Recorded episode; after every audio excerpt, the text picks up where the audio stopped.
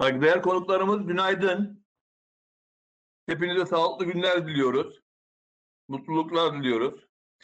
Biliyorsunuz yeni bir düzenleme var hayatımızda artık. Bu da önümüzdeki yaz aylarının oldukça yoğun, hareketli ve heyecanlı gösterip geçeceğinin işaretini oluşturuyor. 7326 sayılı bazı alacakların yeniden yapılandırılması ve bazı kanunlarda değişiklik yapılmasına ilişkin kanunla ilgili olarak düzenlemiş olduğumuz bu webinara katılımınızla bizleri onurlandırdınız. Hepinize firmam, şahsım ve arkadaşlarım adına şükranlarımı sunmak isterim. Hoş geldiniz, onur verdiniz. Bildiğiniz gibi 7326 sayılı kanun 9 Haziran tarihli resmi gazetede yayınlandı ve Cumhuriyet tarihimizin 36. yeniden yapılandırma, isterseniz bunu Afgan da diyebilirsiniz, kanun olarak yürürlüğe girdi. 7326 sayılı kanun 2001 yılından bu yana geçen 20 yılda 10. af kanunu veya yeniden yapılandırma kanunu olarak nitelendirilebilir. Ortalama bir hesapla Türkiye 21. yüzyılda 20. 21. yüzyılın son 20 yılında iki yılda bir yeni bir vergi affı, yeni bir vergi yapılandırması kanunu çıkarmış ve yürürlüğe sokmuş bulunuyor. 7326 sayılı kanunumuz aslında 18 maddeden oluşuyor. Kesinleşmiş fakat ödenememiş alacakların yanı sıra kesinleşmemiş dava veya icra safhasında bulunan tarihatların vergi inceleme işlemlerine ilişkin uygulanacak hükümlerin yanında 2016-2020 dönemini kapsayan gelir, kurumlar ve katma değer vergisi, topaj yolları vergilendirilen bazı önlemelerle alakalı matrah artırım hükümlerini de içine alıyor. Aynı şekilde kanunda kayıtların fiili duruma uydurulması alakalı olarak işletme muhasebe kayıtlarında yapılacak düzeltmeler ve ilişkin hükümler de yer verildi. Bir başka ifadeyle kanun alışılagelmiş geniş kapsamlı bir yelpaze içerisinde hazırlanmış durumda. Buna mukabil kanunda evvelce çıkarılan kanunlardan farklı olarak amortisman tabi sabit kıymetlerin yeniden değerlenmesine ilişkin bir düzenlemeye de verilmiş bulunmakta. Nihayet finansal sicil affı olarak da nitelendirebileceğimiz bir imkan da kanunda yer alıyor. Buna karşılık daha önce çıkarılan kanunların önemli bir kısmında yer verilen varlık barışı, yurt dışı şube ve iştiraklerden elde edilen kazançlara ilişkin hükümler yer almıyor.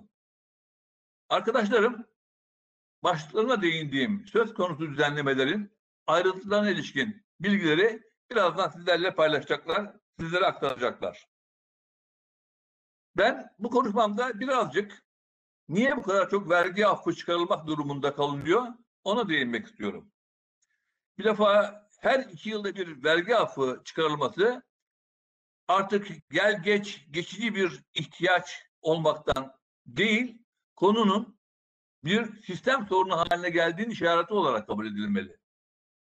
Anayasanın 73. maddesinde tanımını bulan ödeme gücü ülkesine göre adil ve dengeli olarak alınması gereken vergiler uygulamalara uygulamada bu ülkelere uyum konusunda yaşanan aksaklıklar sebebiyle ödenemez hale gelebiliyor.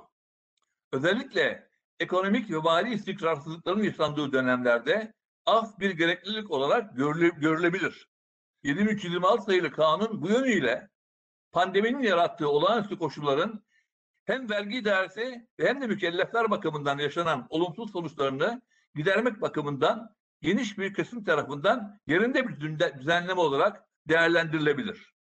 Devletin finansman ihtiyacını karşılamak için önceliğin kayıp ve kaçağın önlenmesi, denetimin arttırılması, kayıt dışılığın en aza indirilmesi konularına yer verilmesi gerekirken, daha zorlu bu uğraşlar yerine bir vergi affıyla artan basıncı siyasal ve sosyal sonuçlar yaratmadan çözümlemek daima tercih edile gelmiştir. İtiraf etmeliyiz ki bu yaklaşımda Türkiye tek başına kalmış da değildir. Dünyanın birçok ülkesinde hatta giderek sıklaşan bir şekilde vergi aflarıyla karşı karşıya kalındığı görülmektedir. Oysa aflar bir vergi sisteminin başarılı sayılabilmesi için ön şart niteliği taşıyan güveni temelden sarsmaktadır. Vergi afları, vergi ahlakını bozan, vergi adaletini kaldıran uygulamalar olarak değerlendirilir. 7326 sayılı kanunda da herhangi bir vergi affıyla ilgili olarak yapılabilecek tüm eleştirilerin ileri sürülmesi mümkündür. Dürüst, vergisini ödeyen mükellefler ile vergi kaçırma alışkanlığını taşıyan mükellefler arasında yine dürüst mü- mükelleflerin aleyhine onları cezalandırıcı hükümlere yer verildiğini ileri, sürmek elbette mümkündür. Ancak içinde bulunduğumuz durum itibariyle vergi afflarını kritik etmenin artık bir yarar sağlamayacağı konusunda mutabık kalmamız gerekir. Önemli olan neredeyse her iki yılda bir vergi affı çıkarılması ihtiyacını doğuran temel, hukuki, idari ve teknik sebepleri ortadan kaldırmaktadır. Kaldırılmasıdır. Bunun bir gün gerçekleşeceği ümidini ve temennisini belirtmek istiyorum. Bu temenniyle sözlerime son verirken katılımınız için tekrar şükranlarımı dile getirmek istiyorum ve sözü kanunun kesinleşmiş alacaklara ilişkin hükümlerini bizlere anlatacak olan Emrah Akın'a bırak bırakıyorum. Hepinize tekrar teşekkürlerimi, saygılarımı ifade etmek istiyorum. Sağ olun. Emrah söz senin. Üstadım çok teşekkür ederim. Öncelikle bence ben de herkese e, bu yoğun gündemde çünkü e, Haziran ayı da vergi açısından oldukça yoğun bir gündem e, içeren bir ay. Yoğun gündemde bize vakit ayırdıkları için, bu programımıza katıldıkları için teşekkür ediyorum. E, ilk önce kesinleşmiş alacaklarla ilgili kısımla ilgili birazcık bazı bilgilerden bahsetmek istiyorum. Tabii sürelerimiz kısıtlı, kimsenin de vaktini tecavüz etmek istemiyorum ama eğer sorularınız olursa o soruları da e, chat üzerinden bizle paylaşmanız mümkün. Akabinde onları da değerlendirmeye çalışacağız. E, Şaban Ustad'ın da vurguladığı gibi yapılandırmalar ve vergi afları bizim hayatımızın rutinine dönüşmüş durumda. Cumhuriyet tarihinden beri özellikle son 20-25 yıllık sürede çok sık karşılaştığımız düzenlemeler. Hatta kesinleşmiş alacaklara ilişkin en son düzenlemeyi daha 17 Kasım'da 7256 sayılı kanunla görmüştük. Dolayısıyla 7256 sayılı kanunla yeni gelen kanunumuzun arasında aslında çok radikal anlamda yani 7326 sayılı kanunun getirdiği düzenleme bakımından çok radikal bir fark yok. Sadece hemen en başta şunu söyleyebiliriz. Eğer 7256 sayılı kanundan yararlandıysanız ve şu ana kadar ihlal etmediyseniz oradaki kanundaki haklarınızı buraya aktarmanız yani 7326 sayılı kanundan da yararlanmanız mümkün kesinleşmiş alacaklar açısından. Ancak daha önceki yapılandırma kanunlarından yararlanma şansınız bulunmuyor. Bunun da altını çizmiş olalım en başta aslında sunumumuzu.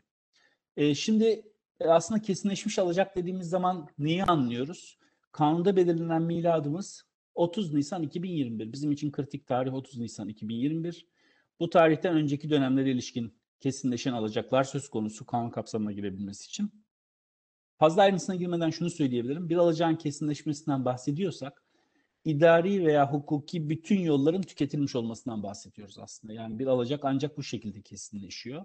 Dolayısıyla eğer beyana tabi bir vergiden bahsediyorsanız beyan ettiğinizden, beyan ettiğiniz andan itibaren geçerli olduğunu söyleyebiliriz. Eğer itirazı kayıtlı bir beyanname verdiyseniz biliyorsunuz kişi kendi beyanına aslında itiraz edemez. Hukukumuzda, vergi hukukumuzda bunun yolu ihtirazı kayıtla beyan etmektir. Akabinde dava açabilirsiniz.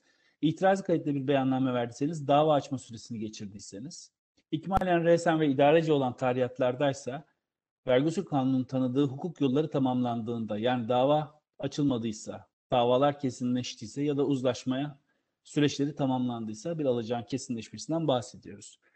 Yapılandırmaya hangi alacaklar konu? Birazcık da ona değinelim aslında. Çok geniş bir kapsamdan bahsediyoruz. Ee, aslında Hazine ve Maliye Bakanlığı'na bağlı bütün alacaklar kapsam içerisinde. Gümrük ve Ticaret Bakanlığı kapsamındaki gümrük vergileri kapsamda. Belediyelere ait alacaklar, Sosyal Güvenlik Kurumu'na ilişkin alacaklar zaten biraz sonra hepsini değineceğiz. İl özel idarelerine, Yatırım İzleme ve Koordinasyon Başkanlığı YİKOP diyoruz. YİKOP'a dahil olan, YİKOP tarafından takip edilen alacaklar. E, kanunun kapsamında. Çok akıllara soru işareti gelen konulardan birisi hangi alacaklar kapsamda diye bir kere kötü bir haber vereyim. Eğer maske cezası yediyseniz maalesef maske cezanız kanun kapsamında değil. Dolayısıyla e, Umumi Hıfzı Kanunu'na göre kesilen idari para, para cezaları kanun kapsamında değil. En başta bunu söylemiş olalım. Tütün ürünlerinin ve zararların önlenmesine ilişkin 4207 sayılı bir kanunumuz var. O kanun kapsamında kesilen idari para cezaları da kapsamına dahil değil. En önemli ve birçok aslında e, mükellefin aklına takılan sorulardan birisi. Acaba düzenleyici ve denetleyici kurumların kestikleri idari para ceza- cezaları e, kanuna tabi mi diye? Hayır maalesef. 5018 sayılı kamu mali yönetimi kanunumuz var bizim.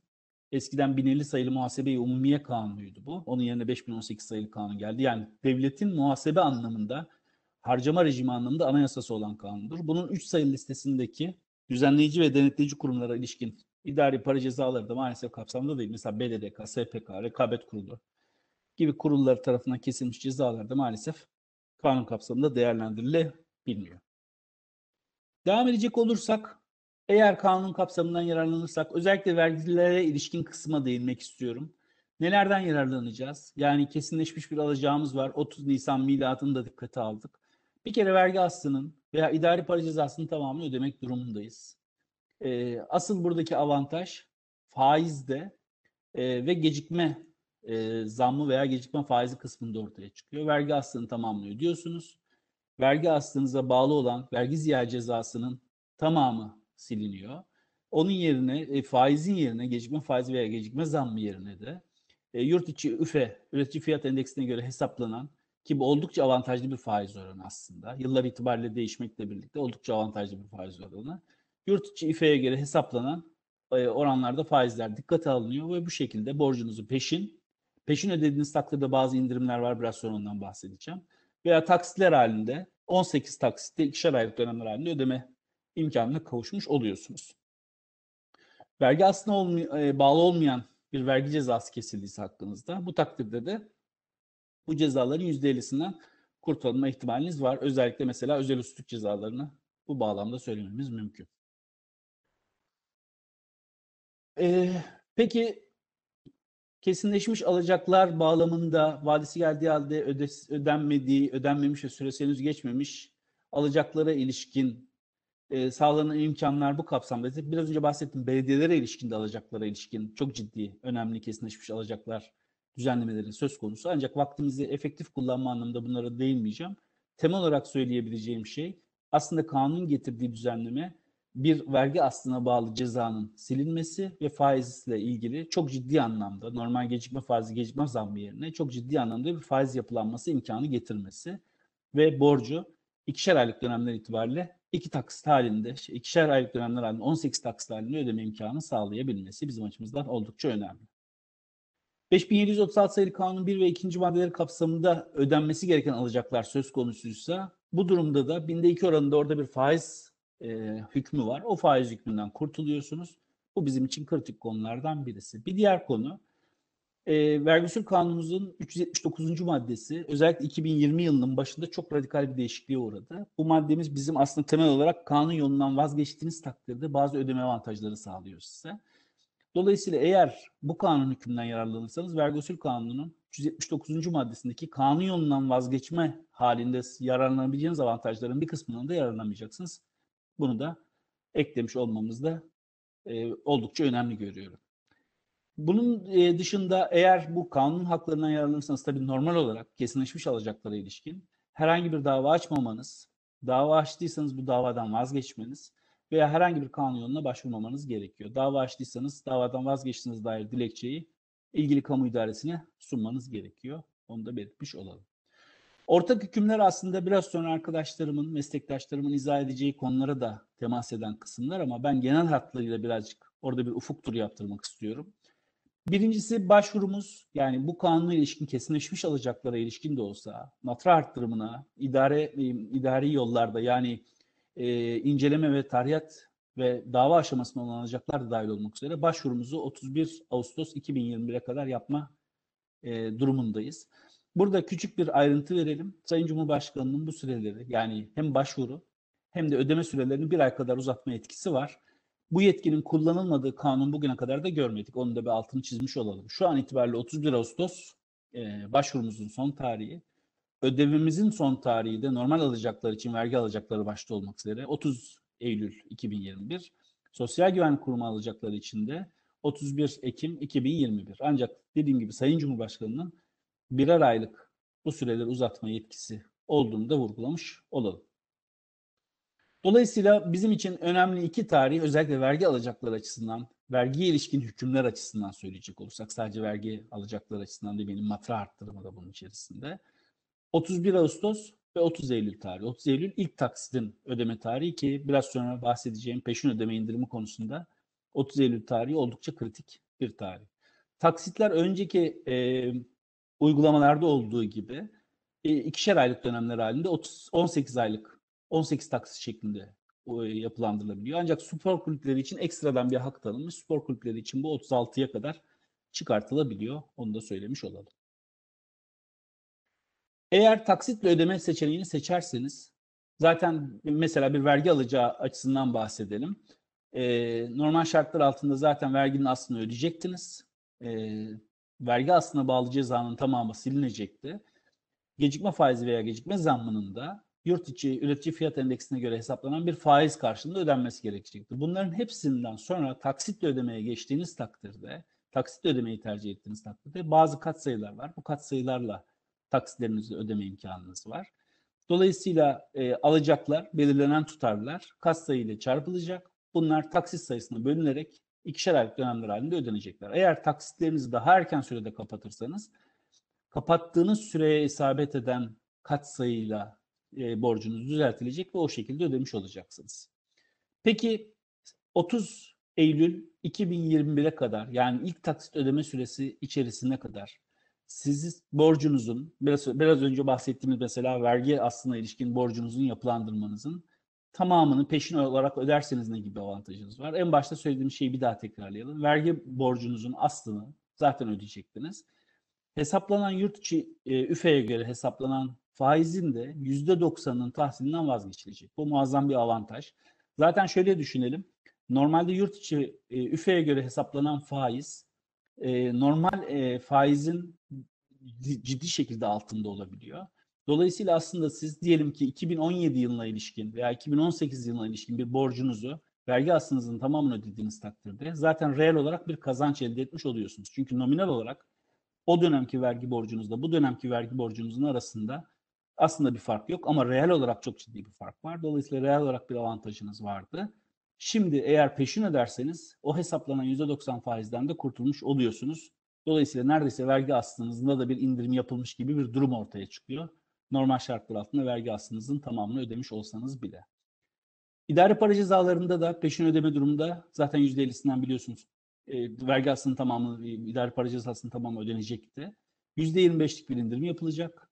Bunun dışında feri alacaktan ibaret olan bir alacağınız varsa yani vergi aslı dışında bir feri alacak şeklinde bir borcunuz varsa bunlarda da %50'lik bir faiz indirimi yapılacak. Bir diğer peşin ödeme imkanı e, ilk iki taksit içerisinde ödeme imkanı. Yani ilk taksit biliyorsunuz 30 Eylül'dü. İlk iki taksit içerisinde yani yıl sonuna kadar ödemeyi gerçekleştirirseniz ne olacak? Yine sizin için katsayı uygulanmayacak. Biraz önce bahsettiğim taksit katsayıları. Bunun dışında yurtçı üfeye göre hesaplanan faiz ilk taksit ödeme süresi içerisinde %90 indirimle uygulanıyordu. Burada %50 indirimle uygulanacak. Bu da gene çok ciddi bir indirim demek aslında. Bunun dışında idari para cezalarında ekstradan %12,5'luk bir indirim yapılacak. E, feri alacaktan ibaret bir alacağınız varsa bu takdirde de %25 bir indirimle karşı karşıya kalacaksınız. Eğer siz hesaplanan tutarları taksitle ödemek isterseniz biraz önce söylediğimiz gibi 18 taksite kadar taksitle ödeme imkanınız var. Ancak o takdirde de e, bu ödemiş olduğunuz taksitlere biraz önce belirttiğimiz katsayı oranlarının uygulanacağını söylemiş olalım. E, peki kanundan yararlanmanın temel şartları ne? Başvurularımızı yaptık. Bütün işlemlerimizi tekemmül ettirdik. İlk ödeme süresini bekliyoruz. Kanundaki kritik iki tane husus şu. Bir, e, ilk iki taksitin süresinde ve eksiksiz olarak ödenmesi şart. Bu birinci kuralımız. Bunu mutlaka gerçekleştirmek durumundayız ki kanun bize sağlamış olduğu haklardan yararlanalım. İkincisi, bir takvim yılı içerisinde iki veya daha az taksiti ödemiş olmanız gerekiyor eğer aksatıyorsanız ödemelerinizi. Bunları da e, ödememiş olduğunuz takdirde bunları bu taksit tutarlarını son taksit izleyen ayın sonuna kadar hesaplanacak bir gecikme faiziyle öderseniz bu kanun hükümlerinden yararlanmaya devam edebilirsiniz. Dolayısıyla kritik konu bir kanunun ilk iki taksitini ödemek İki, aynı yıl içerisinde ikiden daha fazla e, taksit aksatmamak. Aksattıysanız da ikiden daha az. Onu da son taksitin ödeme süresi içerisinde faiziyle ödemek. İlk iki taksit süresinde veya tam ödemezseniz hiçbir kanun hakkından yararlanma ihtimaliniz yok. Onu belirtmiş olalım. Süresinde ödemediğiniz e, ikiden az taksitlerinizi yıl içerisinde tamamlamazsanız gecikme faiziyle gene kanun imkanından yararlanma şansınız yok. Bir takvim yılında ikiden fazla taksidi ertelediğiniz takdirde de, ikiden fazla taksit, taksit ödeyemediğiniz takdirde de kanun imkanlarından yararlanma ihtimaline sahip olamayacaksınız. Dolayısıyla bu kritik şartlar e, bütün mükellefler, yapılandırmadan yararlanan mükellefler, hatta dediğim gibi 7256'dan yararlandıysanız bu kanundan da yararlanma ihtimaliniz var. E, bütün haklar bağlamında ciddi anlamda problem çıkartabilecek e, mükellefler bağlamında konu. E, dolayısıyla yapılandırdığınız ve süresinde ödediğiniz alacaklar e, artık bundan sonra yani yapılandırdıktan sonra ve taksitlerinizi düzenli ödedikten sonra herhangi bir gecikme zammı, gecikme faizi gibi feri alacak hesaplanma söz konusu olmuyor. Ee, eğer bir hacize konu bir alacakla ilgiliyse bu, haciz ödenecek alacaklarla ilgili e, orantılı ve nispetli bir şekilde teminatlarınız ve haciz, te- hacizleriniz kaldırılıyor, teminatlarınız iade ediliyor. Onun dışında eğer yapılandırılmış ve kesilmiş bir, kesinleşmiş bir alacağınız varsa, e, bir borcu yoktur kağıdına ihtiyacınız varsa, bu borçların en az %10'unu da ödendiği, ödediğiniz takdirde e, size borcu yoktur kağıdı verilmesi de söz konusu oluyor. Biraz önce belirttiğim gibi eğer mümkünse yapılandırdığınız, matra arttırımına konu ettiğiniz, matra arttırımında tabii peşin ödeme indirimi farklı biraz sonra arkadaşlarım deneyecekler ama mümkün mertebe peşin ödeme e, imkanından yararlanmanın çok ciddi avantajları var. O zaman gerçekten enflasyonist hiçbir etki kalmıyor ve ciddi anlamda bir faiz indirimiyle karşı karşıya kalıyorsunuz. Hem de eğer ihtiyacınız varsa borcunuzun olmadığına dair belgeleri çok daha e, çabuk bir şekilde alma ihtimalinin söz konusu oluyor. Biraz önce bahsettiğim gibi dava açmama, açılan davalardan vazgeçme, kanun yollarından başvurmama gibi iradeleri de yazılı olarak bildirmek zorundasınız. Bunu biraz önce söylemiştim. Dolayısıyla bu dilekçeleri ilgili tahsil dairesine sunmanız lazım. İlgili tahsil dairesi mesela Hazine ve Maliye Bakanlığı olduğu takdirde ilgili yargı mercilerine gönderiliyor ve bu açtıkları, açtığınız davalardan feragat ettiğinize dair işlemler tekemmül ettiriliyor. Siz de kanun imkanlarından yararlanmış oluyorsunuz. Dolayısıyla bunu e, belirtmiş olalım. Ancak vazgeçme tarihinden önce ödenmiş olan bir yargılama gideri varsa ve avukatlık ücretleri söz konusu olmuşsa bunları geri alma ihtimaliniz olmadığını da söylemiş olalım. Bu da kritik konulardan birisi. E, yapılandırdığınız borçlarla ilgili hazır derdest davalarla ilgili durum buydu. Ama mevcut yapılandırdığınız herhangi bir borçla ilgili bir dava açmanız veya herhangi bir merceğe ki mesela şikayet yoluyla müracaat düzenlemesi vardır biliyorsunuz vergi usulü hukukumuzda. Bunlardan yararlanma ihtimaliniz yok. Dolayısıyla e, vergi usulü kanununun ilgili hükümleri kapsamında bunlardan yararlanamayacaksınız. E, red ve iadeye ilişkinde küçük bir istisna dışında red ve iadenin de söz konusu olmadığını söyleyelim yapılandırılan alacaklar dışında. Çok teşekkür ederim sabırla dinlediğiniz için. Ben vakti efektif kullanabilmek için benden sonraki arkadaşıma e, yanlış hatırlamıyorsam Hakan'la devam edecektik evet. E, Hakan'a sözü devrediyorum. Hepinize iyi ve güzel günler, sağlıklı günler diliyorum. Teşekkür ederim Emrah. Ee, Herkese merhaba. Ee, Benim ismim Hakan Orhan. Ee, Vergi bölümünde e, vergi uyuşmazlıkları ve davaları bölümünde'nin liderliğini gerçekleştiriyorum. Herkese iyi ve sağlıklı günler dilerim. Ben de bugün e, e, kanunun 3. ve 4. maddesinde düzenlenen kesinleşmemiş veya dava, dava safhasında bulunan alacaklar ile inceleme ve tarihat safhasında bulunan işlemlerle ilgili düzenlemeleri anlatmaya çalışacağım. Umarım faydalı olur. E, kesinleşmiş alacağın ne olduğunu Emrah açıkladı. Hani kesinleşmemiş de bunun tam tersi. E, icraî bir işlem yürütemeyecek, muaccel hale gelmemiş ve ihtilaflı alacak olaraktan tanımlayabiliriz. Tabii bu ihtilaflı alacağı tanımlarken vergi ihtilafı süreci nasıl ilerler bundan kısaca bahsetmek lazım. İlerleyen hususları daha iyi anlamak açısından. Hani genellikle bir vergi ihtilafı vergi denetim kurulu tarafından görevlendirilen ve vergi müfettişi e, tarafından gerçekleştirilen bir vergi incelemesiyle ortaya çıkar. Eğer eleştirilen bir husus olursa vergi incelemeyle bunu bir vergi inceleme raporu hazırlar. bu vergi inceleme raporuyla önerilen tahriyatlarla ilgili tahriyat öncesi uzlaşma hakkınız vardır. Eğer tahriyat öncesi uzlaşma hakkı kullanılmazsa rapor vergi dairesine intikal eder ve vergi dairesi bununla ilgili olaraktan vergi ceza ihbarnamesi düzenler mükellefe.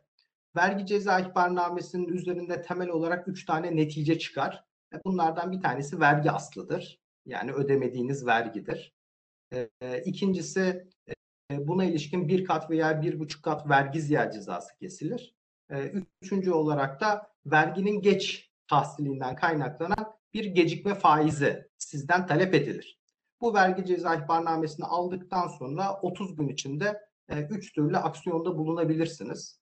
E, Ya direkt vergi usul kanununda otomatik olarak tanımlanmış indirim imkanlarından faydalanaraktan tutarı ödersiniz ki e, ben hayatımda hiç e, bundan faydalanıp da doğrudan e, ödeyen görmedim. Bunlar belki özel cezaları ve usulsüzlük cezalarında dikkate alınıyor ama vergi tahriyatlarında pek tercih edilen bir yöntem değil.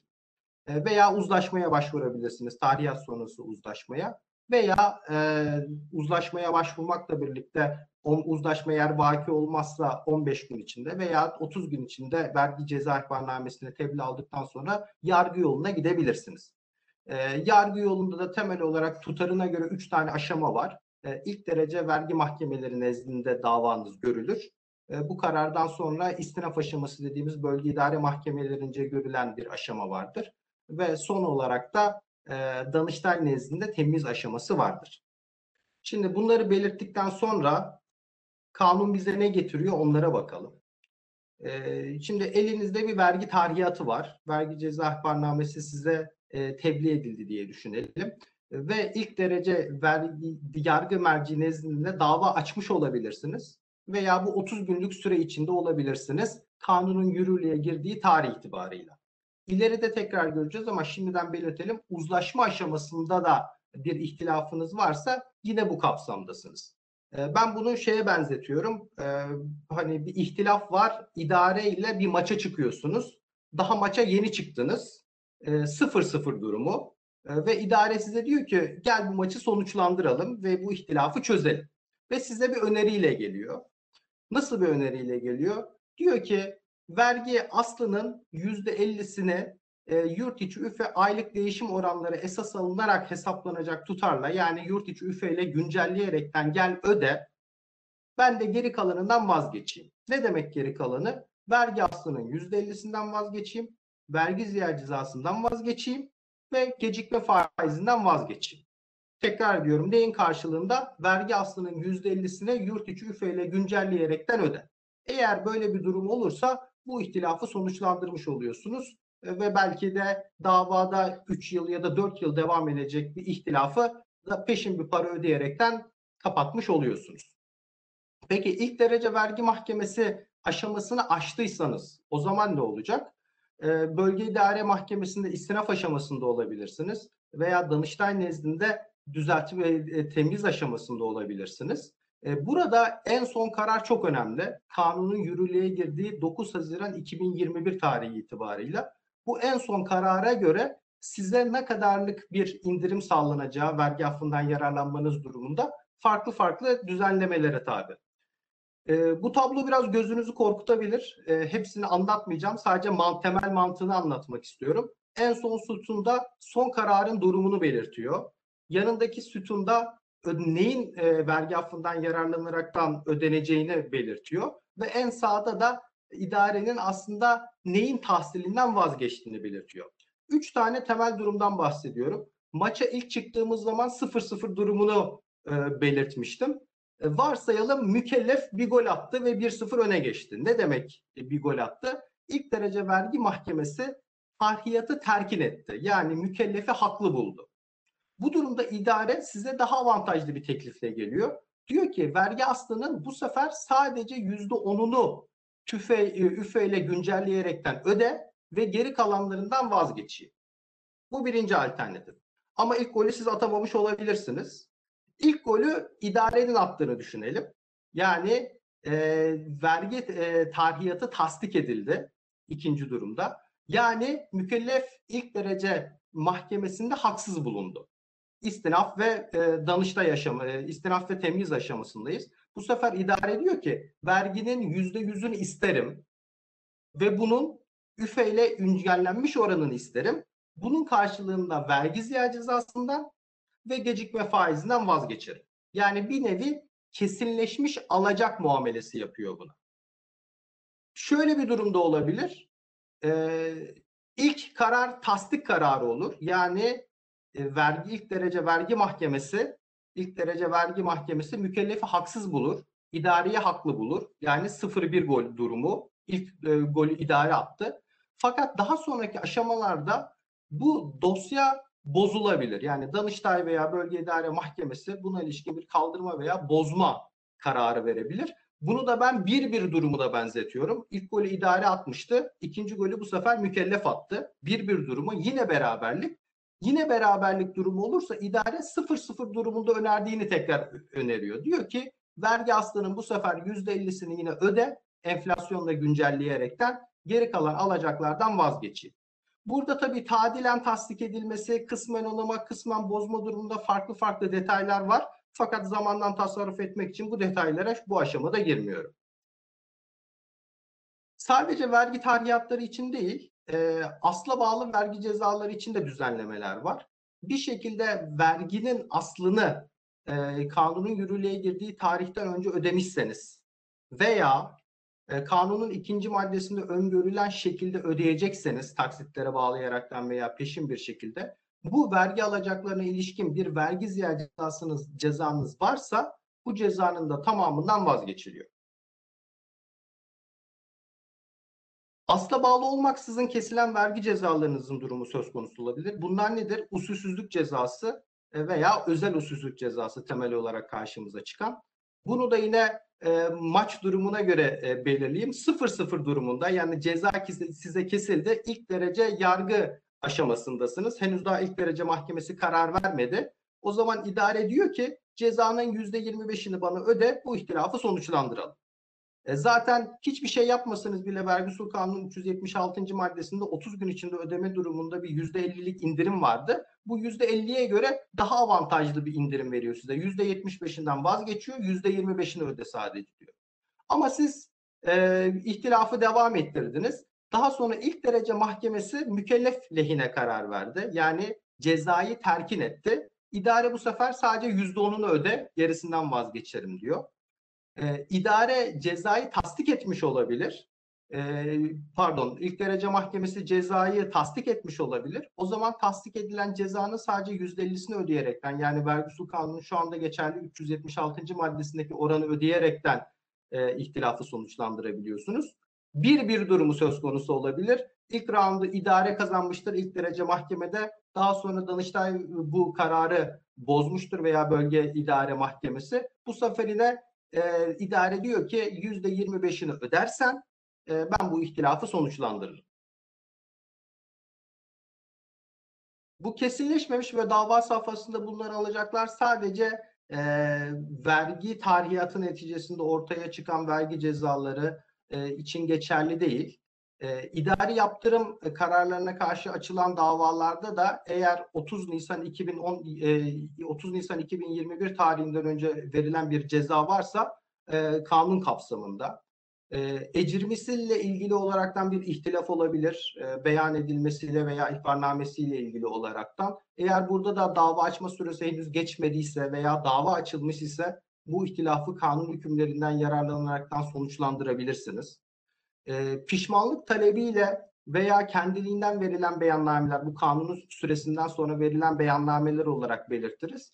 E, burada muhtelif nedenlerden dolayı pişmanlık hükümleri e, yerine getirmediğinizden dolayı bir ceza kesildiyse e, veya kanun süresinden sonraki ve kesildiği için vergi ziyaret cezanız varsa bunlar da kapsamda. İştirak nedeniyle bir vergi cezasına tabi olduysanız bunlara ilişkin olaraktan da ana paraları e, bir şekilde ödenmiş e, ödenmesi kaydıyla e, kanun hükmünden faydalanılması mümkün. Uzlaşmadan bahsettik. Tarihiyat sonrası uzlaşma için geçerli bu kısım. Uzlaşmaya başvurmuş olabilirsiniz. Uzlaşma günü verilmemiş olabilir size. Uzlaşma günü henüz gelmemiş olabilir kanun yayın tarihi itibariyle. Veya uzlaşma toplantısına girmişsinizdir ama uzlaşma sağlanamamış Ancak dava açma süresi henüz geçmemiş bir alacağınız olabilir. Burada da yine 0-0 durumu, maça yeni çıkma durumu vergi aslının %50'sini enflasyonla güncelleyerekten öderseniz e, o zaman geri kalan cezalardan ve faizlerden kurtuluyorsunuz ve vergi aslının %50'sinden de kurtulmuş oluyorsunuz. Bu kanundan yararlanabilmek için dava açılmaması e, gerekiyor. Açılmış davalardan vazgeçilmiş olması gerekiyor. E, ve kanun yollarına başvurulmamış olması gerekiyor. Açılmış davalardan vazgeçmek için mahkemelere idari bir başvuru yapmanız gerekiyor mu? Hayır gerekmiyor. E, çünkü siz e, dilekçenizi vergi dairenize verdikten sonra vergi dairesi ilgili vergi mahkemesine gerekli bildirimi yapıyor e, ve dosyanın kaldırılmasına karar veriyor mahkemeler. E, bu kanun hükmünden yararlanırsanız vergi usul kanunundaki uzlaşma ve indirim müessesesinden yararlanmanız mümkün olmuyor. Ve Emrah'ın da belirttiği gibi son başvuru süresi 31 Ağustos. Önemli olan bir husus var. Ödemelerin düzenli olarak yapılması. Eğer taksite bağladıysanız, peşin ödemelerde bu geçerli değil tabii. Taksite bağladıysanız ve bir takvim yılı içinde ikiden fazla taksit ödemesine yapmazsanız veya eksik yaparsanız e, avantajları kaybediyorsunuz. Buna dikkat etmek lazım. E, bir de Vergi Usul Kanunu'nun 121. maddesinde vergi uyumlu mükelleflere tanınan %5'lik indirim var. Bu konuda bazı kafa karışıklıkları oldu fakat kanuna eklenen bir maddeyle bunlar çözüldü. Mükellefin lehine çözüldü e, diyebiliriz. E, şöyle ki siz bir ihtilafı bu kanun kapsamından yararlanaraktan kesinleştirdiğiniz anda aslında tarihiyatı da kabul etmiş oluyorsunuz. Dolayısıyla bu sizin %5'lik vergi uyumlu mükellef indiriminizi etkileyebilir. Fakat ilave eklenen maddeyle hem geçmişte yararlanmış olduğunuz vergi uyumlu mükellef indirimleri hem de gelecekte yararlanma potansiyelinizin olduğu e, durumlar için mükellef adına herhangi bir engel teşkil etmiyor, olumsuz durum e, oluşturmuyor. Bu kanunun hükümden hükümlerinden yararlandırılması. E, yani orada gerekli şart önceki e, iki yılda herhangi bir vergi tarihiyatına tabi olunmaması idi. E, dediğim gibi hem ne geçmişe yönelik yararlandıklarınızda ne de gelecekte yararlanacaklarınız için ilave bir olumsuzluk olmuyor. Bunu da kanundan yararlanmayı teşvik etmek için getirilen e, bir düzenleme olarak değerlendiriyoruz. Kanunun dördüncü maddesinde inceleme ve tarihiyat safhasında bulunan işlemler düzenleniyor. E, burada henüz daha vergi ceza ihbarnamesi sizin elinize ulaşmadı ve devam eden bir incelemeniz var. E, kanunun yayım tarihinden önce ana kuralı belirtelim önce. Kanunun yayım tarihinden önce başlanmış bir vergi incelemeniz varsa kural olarak bu vergi incelemesi devam ediyor. Vergi dairesi nezdinde bir tar, tar ve tahakkuk işlemi devam ediyorsa bu da devam ediliyor. Ancak burada bir çekince ileride Nihat Bey daha detaylı anlatacak. Eğer e, matra arttırımında bulunursanız e, matra arttırımında bulunduğunuz yıl ve vergi türüne e, bağlı olaraktan e, incelemenin 2 Ağustos 2021 tarihine kadar sonlandırılması lazım. Çok fazla detayı burada vermiyorum. E, şu soru akla gelebilir. Vergi incelemesine başlanılması ne demek? Vergi incelemesine başlanılması Vergi Usul Kanunu 140. maddesine göre incelemeye başlama tutanağının imzalanması. Yani 9 Haziran 2021 tarihinden önce incelemeye başlama tutanağını imzaladıysanız kanun kapsamındasınız. Sonra imzaladıysanız kanun kapsamında değilsiniz. Peki e, buradaki mekanizma nasıl işleyecek? Örnek verelim e, Şubat 2021'de bir vergi incelemesi başladı.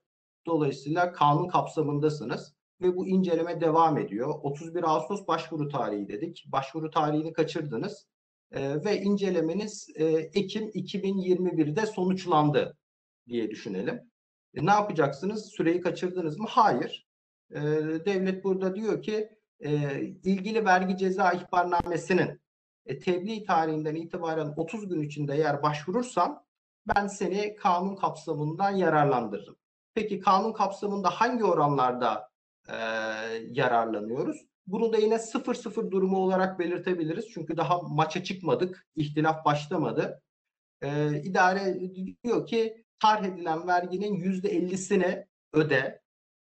E, öncekilerde e, yurt içi üfe ile endeksleme vardı. Burada kısmen var fakat kısmen bir ilave kısmı var. Burada iki tane güncelleme veya faiz e, kısmı gelecek. Birincisi e, tarh edilen vergiyle ilgili olaraktan örnek veriyorum 2017 yılının Nisan'ındaki beyanname ile ilgili bir tarihata maruz kaldınız. O tarihten kanunun yayım tarihine kadar yurt içi üfe aylık değişim oranlarına göre bir güncelleme yapıyorsunuz. Kanunun yayım tarihinden size düzenlenen ihbarnamenin dava açma süresinin sonuna kadar ise gecikme faizi hesaplanıyor. E, o da şu anda aylık %1.6. Dolayısıyla bu kanundan yararlandığınız zaman iki bölüm halinde farklı e, faiz unsurlarını ödemek durumunda kalıyorsunuz. Ancak vergi aslının sadece yarısını ödüyorsunuz. Bunun karşılığında e, fark edilen e, vergilerin %50'si ve vergi ziyaret cezası ve tüm dönem için vergi e, gecikme zammı e, faizi hesaplanması uygulamasından vazgeçiliyor. Vergi aslında bağlı olmayan bir ceza varsa burada da e, sadece vergi a, vergi cezasının yüzde 25'ini ödeyerekten ihtilafı sonuçlandırmak durumundasınız. E, eğer taksitlendirmeye gidebil giderseniz daha doğrusu taksitlendirme imkanı da var bu vergilerle ilgili olaraktan. E, ikişer aylık 6 taksit itibarıyla 12 ayda e, ihbarnameyi takip eden aydan başlamak üzere e, ödeme yapabilirsiniz. Tahriyat sonrası uzlaşma için geçerli e, olduğunu söylemiştik e, üçüncü maddede. Dördüncü maddede de tahriyat öncesi uzlaşma için e, böyle bir durum söz konusu. E, tahriyat öncesi uzlaşma talebinde bulunduysanız uzlaşma gününüz henüz gelmemiş olabilir ya da toplantıya girmişsinizdir uzlaşma sağlanamamış e, olabilir. Ancak vergi ceza ihbarnameleri henüz vergi dairesi tarafından vergi mükellefine tebliğ edilmemiş olabilir. Bu aşamadaki durumlarda da kanun hükümlerinden belirttiğim %50'lik ana para indirimini almak suretiyle yararlanabilirsiniz. E, pişmanlıkla ya da kendiliğinden yapılan e, beyanlar için de düzenleme var. Önce pişmanlık halini inceleyelim. E, pişmanlıkta biliyorsunuz normalde e, vergi ziyaret cezası ödenmiyor. Fakat bunun bir şartı var. 15 gün içinde ödeme yapılması. Bu 15 gün içinde ödemeyi kaçırdığınız için bir vergi ziyaret cezasına tabi olmuş olabilirsiniz. Bir de burada vergi pişmanlık zammı e, bir de pişmanlık zammı alınıyor. Kanun bize ne getiriyor? Kanun vergi aslının bir kere yüzde yüzünü ödeyeceksin diyor. E, fakat faizde ben sana bir güzellik yaparım diyor e, pişmanlık zammı ki o gecikme faiziyle aynı. Onun yerine e, yurt içi üfe e, endeksleme oranıyla belirlenen tutarı ödersen pişmanlık beyanını bu şekilde kabul ederim diyor. E, kanun süresinden sonra kendiliğinden verilen bir beyanname varsa burada her durumda vergi ziyadesi çıkacaktır. E, burada da devlet diyor ki eğer e, vergi aslının yüzde yüzünü e, yurt içi üfe aylık değişim oranlarıyla endeksleyerekten bana ödersen bu konudaki vergi ziyaret cezası ve gecikme faizinden vazgeçerim. Kanun kapsamına pişmanlık talebiyle verilip de şartların ihlal edildiği e, durumların dahil olduğunu belirtmiştik. Emlak vergileri kapsamı alındı. Hani sahip olduğunuz gayrimenkulle ilgili olaraktan bildirim yapmadıysanız, bildirim yapmakla birlikte e, ödemeleri düzgün e, yapamadıysanız veya eksik yaptıysanız ödemediğiniz tutarlarla ilgili olaraktan e, kanundan yararlanabilirsiniz. Ana para burada tahsil ediliyor. Faizde sadece e, indirim gerçekleştiriliyor. E, gümrük kanunu ile ilgili hususlar kapsamda fakat bunu benden sonra Zahide Hanım anlatacak. Dolayısıyla geçiyorum. Gelir vergisi kanunun 64. maddesinde de e, çok karşılaşmayabileceğimiz işte özel şoförlerin ücret gelirleri ve benzeri hususlar düzenleniyor. Bunlarla ilgili olaraktan da kanun kapsamına girmek mümkün. Bu madde hükümlerinden yararlanabilmesi için açılan dava dava açılmaması şart. Açılan dava diyemiyorum çünkü dava açılabilecek duruma gelmedik zaten. Fakat alacağı ilişkin dava açılmaması şart. Uzlaşma ve indirim müesseselerinden de yararlanılamıyor. E, beni dinlediğiniz için teşekkür ederim. Benim sunumum bu kadar. E, şimdi sözü e, gümrük vergileri açısından değerlendirme için Zahide Hanım'a e, devrediyorum. Ee, sorularınız varsa lütfen belirtin. Ee, soru cevap bölümünde tekrar görüşmek üzere. Teşekkür ederim. Çok teşekkürler Hakan. Merhabalar herkese. Ben de Gümrük Direktörü Zahide. Ee, bugün e, gümrük vergileri üzerinden bu hafta nasıl yararlanabiliriz? Biraz onlardan bahsedeceğim. Aslında e, neden gümrük vergilerini birazcık daha detaylı anlatmak istedik? Burada temel sebep şu, gümrük vergisi dediğimiz zaman ithalat anında veya ihracat anında alınan tüm vergileri ifade ediyoruz ve biliyorsunuz son dönemde ekmali yükümlülük ilave gümrük vergisi gibi pek çok adı altında yeni vergilerle de tanışmış durumdayız. Dolayısıyla belki bu af sırasında e, olası yapmış olduğumuz hataları temizleme şansını bize veriyor. Bu açıdan birazcık daha derine inmek istiyoruz. Yine gümrük beyannameleri biliyorsunuz beyanname bazı olarak takip edildikleri için ve yine gümrük kanunu kendi usul ve cezasını kendisi koyduğu için e, kendi prosedürlerini takip etmemiz gerekiyor. Af kanunu çıktı ama gümrüğün uygulama tebliği henüz çıkmadı. E, o çıktıktan sonra muhtemelen daha detaylı bir çalışma yapacağız. E, genel olarak afta nelerimiz var? Evet bir genel üçlü bir ayrım olduğunu görüyoruz. Kesinleşmiş alacaklar, kesinleşmemiş alacaklar. Bir de efendim inceleme ve tarihat aslında onlar da kesinleşmemiş e, grubunda sınıflandırılması gereken bir e, yapı sergiliyorlar. Sürelerimiz yine aynı 30 Nisan 2021 ve işte bahsettiğim gibi Haziran. Şimdi kesinleşmiş alacak dediğimiz noktada e, neyi kesinleşmiş alacaktır? Belki biraz ondan bahsetmek lazım. E, size tebliğ edilen herhangi bir e, ek tahakkuk veya ceza kararı varsa buna ilişkin itiraz uzlaşma gibi süreçleri takip edebileceğinizi biliyorsunuz. Ancak bu süreleri herhangi bir aksiyon almadığınızı varsayalım. O sürelerin bitimi tarihi itibariyle vergi cezalarınız kesinleşmiş olur. İtiraz ettiğiniz itirazınız reddedildi. Bir yargıya başvurabilirsiniz değil mi? Bu bir hak. Bu haktan yararlanmaktan vazgeçtiğiniz o sürenin bitiminde kesinleşme gerçekleşir. Ee, yargıya gittiniz, ilk dereceyi kazandı, kaybettiniz ve daha devam etmek istemiyorsunuz. Bu noktada o sürelerin bitiminde e, kesinleşme sağlanır. Kesinleşmiş alacak haricindeki her durumunuzu kesinleşmemiş alacak olarak sınıflandırmanızı tavsiye ederim. Böylece daha basit, daha yalın bir çizgide kalmış olursunuz. E, gümrük tekniği açısından uzlaşma aslında bizde eski bir e, uygulama değil. Son belki 5-10 yılın uygulaması. Burada uzlaşmaya başvurdunuz ve uzlaşma anında el sıkıştığınız noktada artık o para tutarı üzerinden kesinleşme sağlandığını hatırlatmak isterim. Eğer uzlaşmadan vazgeçerseniz bu bir e, kesinleşmemiş alacağı dönecektir af kapsamında. E, peki neler veriyor bize e, mevcut sistem? E, burada kesinleşmiş alacaklar üzerinden bakıldığında vadesi geldiği halde ödemediğiniz veya henüz ödeme süresi geçmemiş olan bir vergi alacağı söz konusuysa vergilerin tamamını ödüyoruz. Cezalarımız af kapsamında. E, gümrük vergi aslına bağlı olmayan bir cezamız varsa burada veya e, iştirak hükümleri nedeniyle kesilmiş bir idari para cezası varsa e, zaten ortada bir vergi yoktur. Ancak cezaların %50'sini ödeyerek aftan yararlanabiliyorsunuz. Bir diğer konu eşyanın gümrüklenmiş değerine bağlı olarak bir ceza almışsanız burada da varsa e, istisnayen var. Varsa vergilerin tamamını yine ödüyoruz.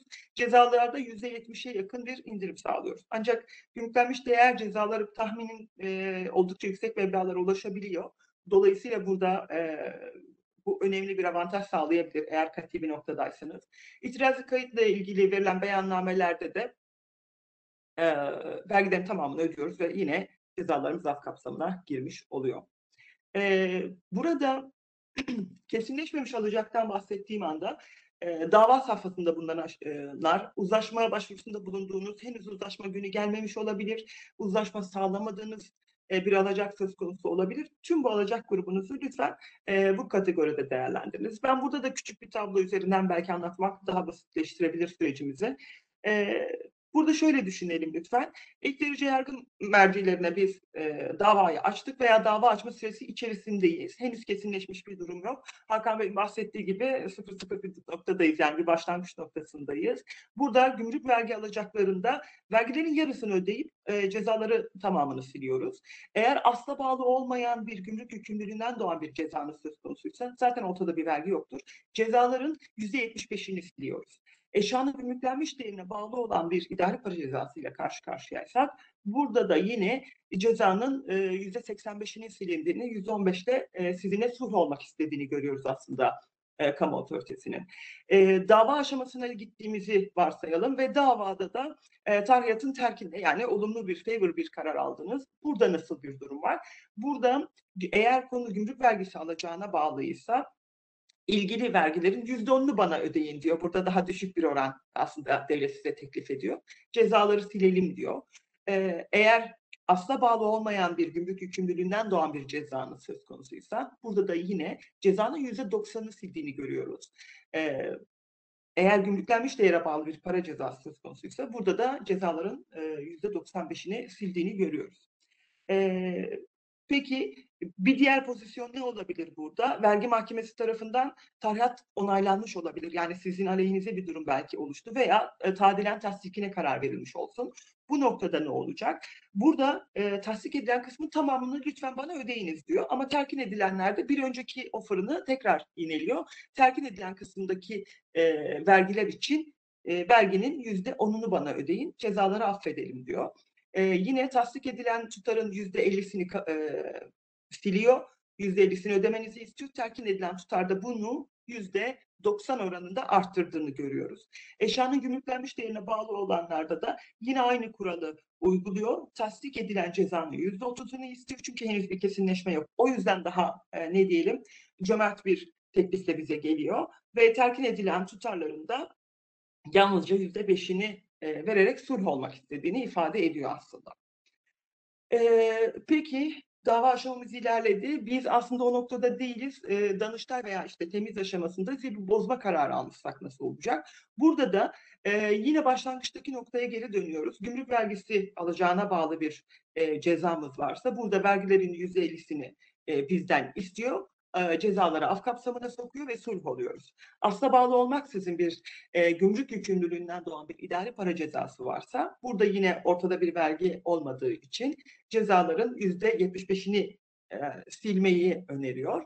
Eşyanın gümrüklenmiş değerine bağlı e, olarak kesilmiş olan idari para cezaları için ise cezaların yüzde 85'ini sileceğini ifade ediyor. En son karar e, öyle olabilir ki kısmen onama kısmen bozma e, olması durumunda aslına bakarsanız bir önceki formüllerdekileri aynen eşit şekilde sizlere sunuyor. Yani ne demek istiyorum? Onanan kısım için e, tasdik edilen gümrük vergilerinin tamamını ödeyin diyor. E, terkin ettiği kısımla ilgili olarak yüzde onunu istiyor ve bozulan kısım için ise yüzde ellilik bir e, teklifi var ödenen vergiler anlamında cezaları af kapsamına sokuyor. Benzer oranlar devam ediyor. Eğer e, bir gümrük yükümlülüğünüz vardı ve bunun yük vergilerini ödediniz ancak sadece idari para cezalarını davaya taşıdığınız bir noktadaysanız yine burada da e, zaten vergilerin tamamı ödenmiş olacak cezalarda af kapsamında e, yararlanacağınız bir e, durumda kalıyorsunuz. Peki yani kesinleşmiş ve kesinleşmemiş alacaklar üzerinden bunları konuşurken inceleme ve tarihat safhasında bulunan işlemlerde nasıl bir e, yapı sunuyor bize bu af? E, gümrük kanunu kapsamındaki gümrük incelemeleri, gümrük müfettişlerinin sonradan kontrollerde yapmış olduğu çalışmalarda veya idarede yaptıkları denetimler sonucunda elde ettikleri tespitleri biliyorsunuz müfettiş raporlarına bağlarlar. Bu raporlarda bağlı olarak sizlere e, ek tebliğ edilir, cezalar tebliğ edilir bütün bu çalışmaların da yine aftan yararlanacağını söylüyor. Bu bizim için önemli. Ee, özellikle beyannameler biliyorsunuz gümrük beyannamelerine bağlı olarak cezalar geldiği için neyin af kapsamında olduğunu, neyin olmadığını, zamanlarına dikkat etmemizde fayda var. Ee, peki ben bu dönemde ne yapabilirim diye belki sorabilirsiniz. E, kendiliğinden beyan dediğimiz bir mekanizmamız var gümrükte. Yani kendiniz gümrük idaresi tespit etmeden önce şirketiniz bünyesinde olası hatalarınızı kontrol edip baktınız ve bir aksilik gördünüz ve bunu gümrük e, mevzuat çerçevesinde bir yaptırıma tabi olduğunu gördünüz. Bunları düzeltmek istediğinizde kendiliğinden beyan yoluyla başvuru yapıyorsunuz ve bu başvurunuz sırasında normalde vergi artı 3 katı para cezası yerine vergileri ödeyip cezaların ise toplam cezaların ise yüzde onunda e, kadar bir indirim sağlıyor size. E, ancak özellikle belli sektörlerde bir beyannamede birden fazla e, karar olduğu zaman, bir beyannamede birden fazla işlem olduğu zaman e, 241'e 1 dediğimiz usulsüzlük cezasının altında ceza olamayacağı için rakamlarımız oldukça yükselebiliyor. Bu anlamda benim tavsiyem özellikle bu af döneminde e, eğer varsa elinizde e, kendinizi bir kontrol etmeniz, bir self check yapıp buradaki aftan yararlanmanız. Çünkü af kapsamında da yine aynı şekilde şöyle bir sistem getirmişler. Gümrük vergi alacaklarında vergilerin %50'sini ödüyoruz cezalar af kapsamında. Asla bağlı değilse %75'ini, gümrüklenmiş değerine bağlıysa %85'ini sildiği bir yapı söz konusu. Kendiliğinden beyanda da vergileri ödeyerek yani o diğer cezai kısmı ödemeyerek bu aftan yararlanabilirsiniz.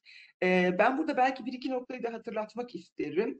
E, son dönemde özellikle bu af kapsamında e, siz değerli katılımcılarımıza ne tür ödevler düşüyor? Lütfen gümrük müşavirlerinizden ceza kararlarınızın son durumlarını talep ediniz. Onları bir tasnif etmenizde fayda var. E, avukatlarınızdan davalarınızın aşamalarını kontrol etmelerini isteyebilirsiniz. Hangi statüde olduğunuz anlamanız burada önemli olacaktır.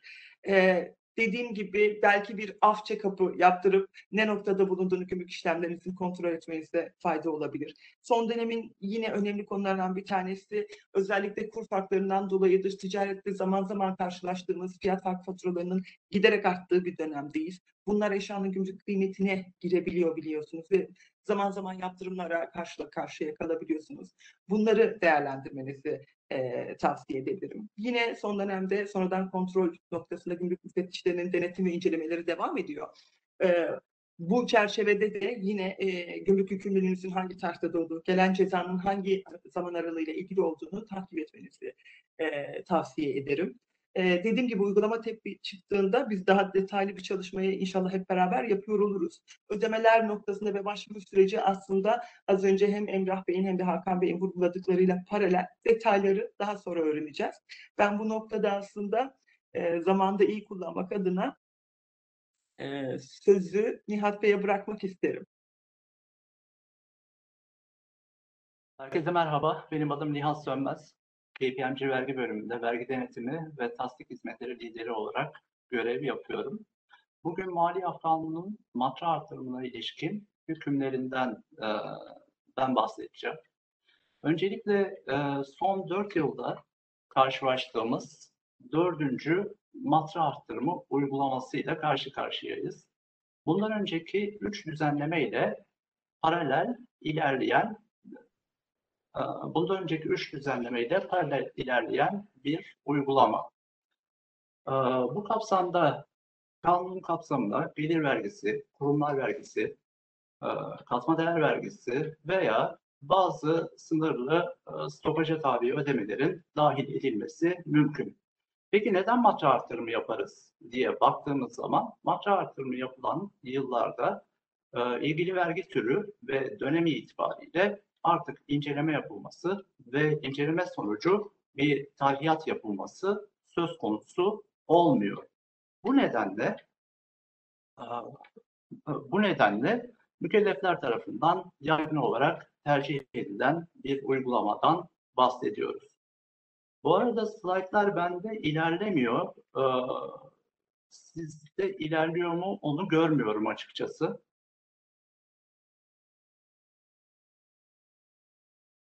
Bizde de ilerlemiyor Nihat.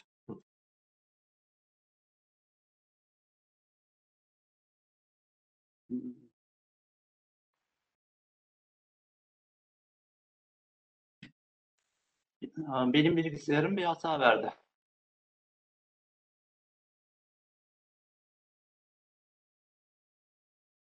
Sen istersen devam et. Ekip otomatik değiştirsin. Tamam, öyle yapalım. Daha sonra uygulamadan e, uygulamadan faydalanabilmek için 31 Ağustos tarihine kadar başvuru yapmamız gerekiyor.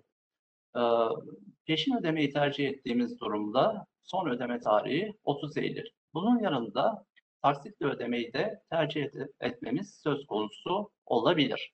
Taksitli ödeme yapmamız halinde 6 taksite kadar taksitlendirmek mümkün. Fakat böyle bir durumda 1.09 kat sayısıyla ödenecek tutar arttırılıyor. Ödemelerin kanunda tanımlanan sürede ve şekilde yapılması önemli. Eğer bu şekilde ödemeler yapılmaz ise e, yani taksitler süresinde zamanında ödenmez ise amme alacakları tasvir usulü hakkındaki kanuna göre gecikme zammı ile birlikte takibe geçiliyor. Fakat burada önem arz eden husus bu aşamada ödeme yapılsa bile artık kanundan, kanunun sağladığı faydalardan e, fa, e, faydalanma imkanı ortadan kalkıyor. En yaygın olarak e, tercih edilen kısmı düzenlemenin kurumlar vergisi veya gelir vergisi matra arttırımı. E, diğer imkanlar stopaja tabi ödemelerdeki vergi arttırımı veya KDV'deki vergi arttırımı kurumlar vergisi matra artırımı kadar yaygın bir şekilde tercih edilmiyor. Bunun en önemli sebebi ortaya çıkan ödeme tutarlarındaki ciddi farklılıklar oluyor çoğu durumda. Kurumlar vergisinde masraf arttırımı yapmak istersek tarihata açık olan yıllar için bu arttırımın yapılması mümkün. e, mümkün. E, Türkiye'de tarz zaman aşımı 5 yıl olarak tanımlanmış durumda vergi usul kanunu hükümlerine göre ve 2016'dan 2020 yıllarına kadar incelemeye açık olan dönemlerde masraf arttırımı yapmamız söz konusu olabilir. Masraf arttırımı yaptığımız zaman oranlar yıllar itibariyle değişkenlik E, Merhabalar. E, sanırım teknik bir aksaklık oldu. E, Nihat'ın sunumu yarım kaldı. E, zamandan kazanmak için e, ben devam edeceğim. E, ben Banu Kürk. E, ben de sizlere e, bu e, kısımda e, kanunun 6. maddesinde yer alan işletme kayıtlarının düzeltilmesiyle 11. maddesinde yer alan e, yeniden değerleme imkanı hakkında bilgi aktarıyor olacağım. Ee, ilk olarak 6. maddedeki işletme kayıtlarının düzeltilmesinden devam edersek, e, 6. maddede yer alan bu düzenleme ile e, kapsamdaki mükelleflerin e, yasal kayıtlarının e, gerçeğe, e, fiili duruma uygun bir hale getirilmesi hedeflenmiş durumda.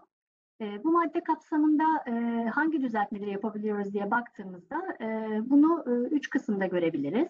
Ve bunlardan ilki e, işletmede mevcut olduğu halde kayıtlarda yer almayan emtia, makine tesisat, demirbaş, e, basılı kitap süreli yayınlara ilişkin düzeltme. E, burada gelir ve kurumlar vergisi mükellefleri kapsamda. İkinci düzeltme ise e, kayıtlarda yer aldığı halde işletmenin mevcut olmayan emtia, makine tesisat ve demirbaş için mümkün kılınmış. E, hatırlayacağınız üzere bir evvelki 7143 sayılı af kanununda e, burada kapsam sadece emtia ile sınırlıydı. Bu sefer buraya makine tesisat ve demirbaş eklenerek kapsam genişletilmiş. Ee, yine burada da kapsamda kurumlar vergisi ve gelir vergisi mükellefleri var. Ee, üçüncü düzeltme yapılabilecek konu ise e, kayıtlarda yer aldığı halde işletmede bulunmayan kasa mevcudu ve ortaklardan alacaklara ilişkin e, düzeltme. E, burada e, yukarıdaki iki kalemden farklı olarak e, bilanço esasına göre defter tutan kurumlar vergisi mükellefleri kapsamda olduğunu söyleyebiliriz. E, kısaca bu e, üç tane düzeltmenin detayına inersek, e, ilk olarak e,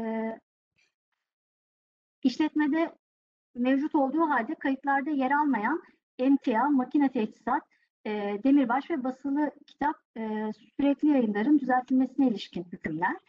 E, bu söz konusu kıymetlerin düzeltilmesi, e, raiç beyan, e, söz konusu kıymetlerin beyanı raiç bedel esas alınmak ve de somut sıfatla KDV beyan edilmek suretiyle gerçekleştiriliyor olacak. E, emtia, makine teçhizat ve e, demirbaş için e, beyan edilecek e, KDV e, bu kıymetlerin tabi olduğu KDV oranının yarısı esas alınarak tespit edilecek. Öte yandan basılı kitap ve süreli yayınlar için ise KDV oranı %4 olarak tespit edilmiş durumda. E, e, bu e, beyanlar e, ka, te, kanuna e, bağlı yayınlanmış olan e, tebliğ ekinde yer alan Ek 18 beyannamesiyle e, ilgili vergi dairesine iletiliyor olacak. Ama bununla birlikte yine e, tebliğ ekinde yer alan Ek 19 envanter listesi formunun da mutlaka e, vergi dairesine indirilmesi gerekiyor. Envanter listesi formu olmayan beyanlar e, dikkate alınmayacak. E, bunun dışında e, basılı kitap ve süreli yayınlar dahil e, emtia için e, hesaplanan ve ödenen KDV'nin genel esaslar çerçevesinde indirimi mümkün. Ee, öte taraftan e, makine, teçhizat ve demirbaş için hesaplanan ve ödenen KDV'nin ise e, indirimi mümkün değil. Ancak indirilemeyen bu KDV gelir ve kurumlar vergisi matren tespitinde gider olarak dikkate alınabilecek. E, bu kapsamdaki e, beyanların e, ve ödemelerin 31 Ağustos 2021 tarihine kadar yapılması gerekiyor. Peki bu beyan ettiğimiz e, kıymetleri nasıl e, kayıtlara intikal ettireceğiz diye bakarsak, e, beyan edilen emtia için e, aktif alınan emtia için e, pasifte ayrı olmak üzere yine e, beyan edip aktif alınan makine tesisat ve demirbaş için pasifte yine ayrı olmak üzere e, karşılık hesapları oluşturacağız. Emtia için ayrılan karşılık sermayenin bir unsuru olarak kabul edilecek ve vergilendirilmeyecek. Öte taraftan makine tesisat ve demirbaş için ayrılan karşılık ise bir birikmiş amortisman olarak kabul edilecek. E, basılı kitap ve süreli yayınlar hariç e, KDV'nin üstüne alan mallar bu e, uygulamadan e, yararlanamayacak. E, diğer bir önemli, nokta KDV iadesi. e, emtia için hesaplanan ve ödenen KDV iadesinin genel esaslar çerçevesinde indirim konusu yapılacağını söylemiştik. Eğer söz konusu emtia e, iade konu e, işlemlerin e, de kullanılıyor ise e, o zaman e, yüklenilen KDV hesabında bu hesaplanan e, ve ödenen indirim konusu yapılan KDV e, dikkate alınıyor olacak. E, ve iadeye konu edilebilecek ama bunun dışındaki kalemler için herhangi bir iade e, söz konusu değil. E, bu kapsamda beyan edilen amortisman tabi iktisadi kıymetler için amortisman ayrılmayacak. E, yine önemli bir nokta, e, bu kapsamda bildirilen malların e, satış halinde e, satış bedeli beyan edilen değerden düşük olamayacak. E, yine önemli bir nokta, eğer bu beyan konusu mallar içerisinde ÖTV tabi mallar var ise e, yine 31 Ağustos 2021 tarihine kadar emsal bedelleri üzerinden ayrı bir beyannameyle ÖTV yükümlülükleri de yerine getiriliyor olacak. Bu kapsamda faydalanan mükelleflere yönelik geçmişe dönük e, bu kıymetlere ilişkin, beyana konu ettikleri kıymetlere ilişkin herhangi bir e, KDV, ÖTV ve ceza riski e, kalmamış olacak diyebiliriz. İkinci düzeltmemiz ise e, kayıtlarda yer aldığı halde işletmede mevcut olmayan emtianın makine tesisat demirbaşın düzeltilmesine ilişkin. E, bu düzeltme için e, fatura düzenlenmesi gerekiyor mükelleflerce. E, muhtelif alıcılar adına fatura düzenlemek ve her türlü vergisel yükümlülük yerine getirmek suretiyle bu düzeltmenin yapılması mümkün. Düzenlenecek bu faturada KDV'de beyan konusu kıymetin tabi olduğu KDV oranı esaslanarak KDV hesaplaması yapılıyor olacak. E, ÖTV varsa e, bu kıymetlere ilişkin hesaplanması gereken o da faturada ayrıca gösteriliyor olacak. Peki faturada hangi beyan değerine e, dikkate alacağız? E, için bakarsak aynı cinsten emtialara ilişkin e, cari kayıtlarına göre tespit edilen gayri, safi kar oranının maliyete eklenmesi suretiyle beyan değerini tespit edeceğiz. Öte yandan makine tesisat içinse e, mükellefçe veya bağlı oldukları meslek kuruluşunca e, tespit edecek raiç bedel esas alarak faturada beyan değerine yer veriyor olacağız. Bunun için de son tarih e, 31 Ağustos 2021 yine. E, burada e, yine KDV yükümlülüğü çıkıyor tabii ki mükelleflere. E, bu e, KDV'nin ilk taksiti 31 Ağustos 2021'de düzelttiğimiz takdirde e, beyanname verme süresi içerisinde yani 31 Ağustos 2021 sonuna kadar izleyen taksitlerin ise e, 31 Ekim ve 31 Aralık'ta ödenmesi mümkün olacak. Yine bu kapsamda düzeltme yapılan mükelleflere geçmişe yönelik herhangi bir KDV ÖTV cezası uygulanmıyor olacağını söyleyebiliriz. Son düzeltmemiz ise e, kayıtlarda yer aldığı halde işletmede mevcut olmayan kasa mevcudu ve ortaklardan alacakların tutarlarının düzeltilmesine ilişkin hüküm. E, tabi belirttiğimiz gibi e, diğer iki kalemden farklı olarak e, bu kısımdan sadece bilanço esasında defter esasında defter tutan kurumlar vergisi mükellefleri faydalanabiliyor olacak. E, bunun için 31-12-2020 31-12-2020 tarihli bilançoda yer alan ancak fiilen işletmede mevcut olma, olmayan değerler beyan ediliyor olacak. Özel hesap dönemleri için ise bu 2020 yılı içinde e, biten e, hesap dönemi sonundaki bilançoda yer alan değerler olarak dikkate alınması lazım. Ortaklardan alacaklarda neyi beyan edeceğiz? Bu noktada işletmenin esas faaliyeti konusu dışındaki işlemleri dolayısıyla ödünç verme ve benzer nedenlerle ortaya çıkan ortaklardan alacakların eğer kayıtlarda varsa borçlardan netleştirilmesi suretiyle tespit edecek değer beyan konusu olacaktır. Eğer şayet e, bu e, kapsamdaki e, tutarlar bu kapsamdaki hesaplarla ilgili e, başka hesaplarda da e, bilançoda tutarlar varsa tabii ki onların da dikkate alınması gerektiğini söyleyelim. E, bu kapsamda ödenen %3 vergi e, gider yazılamayacak kurumlar vergisinden e, mahsup edilemeyecek. E, bu e, beyan konusu varlıkların hesaplardan kapatılarak e, kanundan kabul edilen giderlere aktarılması mümkün olduğu gibi gideri intikal ettirmeden aktive geçici bir hesapta da e, tutulması mümkün olabilecek. E, bu madde kapsamında yapılan e, beyanlarla ilgili olarak e, bu tutarların ortaklara dağıtılıp dağıtılmadığına bakılmaksızın kar dağıtımına bağlı e, herhangi bir e, stopaja yönelik ilave bir tarihat yapılmayacak. Ee, ve bunun da yine beyan ve ödeme tarihi en son 31 Ağustos 2021 olduğunu e, söyleyebiliriz. Ee, şimdi e, işletme kayıtlarının düzeltilmesiyle hüküm, işletme kayıtlarının düzeltilmesiyle ilgili hükümleri bitirdik.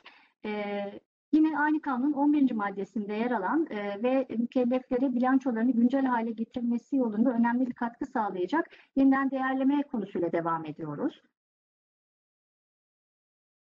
Ee, Yeniden değerleme kapsamında hangi kıymetler var diye bakarsak öncelikle e, bu kanun kapsamında e, taşınmazlarla amortismana tabi iktisadi kıymetlerin e, kan şey değerleme kapsamına alındığını görüyoruz. Hatırlarsanız 2018 yılındaki 7144 sayılı kanunla da e, taşınmazla sınırlar, taşınmazlarla sınırlı olmak üzere e, benzer bir yeniden değerleme imkanı getirilmişti. E, fakat e, bu kanunla, e, bu kanunla yapılan düzenleme ile bu kapsam e, taşınmazların yanı sıra genişletilerek e, sat kirala, geri al işlemine veya kira ihracına konu edilen taşınmaz ve iktisadi kıymetler hariç olmak üzere atiklerin de dahil edilmesiyle genişletildiğini görüyoruz. E, peki kimler yeniden değerleme yapabilir diye bakar isek, e, bunlar tam mükellefiyete tabi ve bilanço esasına göre defter tutan gelir ve kurumlar vergisi mükellefleri olduğunu görüyoruz bunların. Peki kimler yeniden değerlemeden faydalanamaz diye bakar isek, e, bunlar finans ve bankacılık sektöründe faaliyet gösteren sigorta ve restoran şirketleri, e, emeklilik şirketleri, emeklilik yatırım fonları, münhasıran sürekli olarak işlenmiş altın, gümüş, e, alım satım imali iştigal eden mükellefler ile e, defterlerini yabancı para cinsinden tutan mükellefler olarak söylenebilir. İlaveten daha mükellefiyete tabi kurumlar da bu yeniden değerleme imkanından yararlanamıyor. Bunun da altını çizelim. Peki e, bu e, değerlemeye konu taşınmazların ve atiklerin hangi tarih itibariyle aktifte olması gerekiyor diye baktığımızda buradaki tarih 9 Haziran 2021.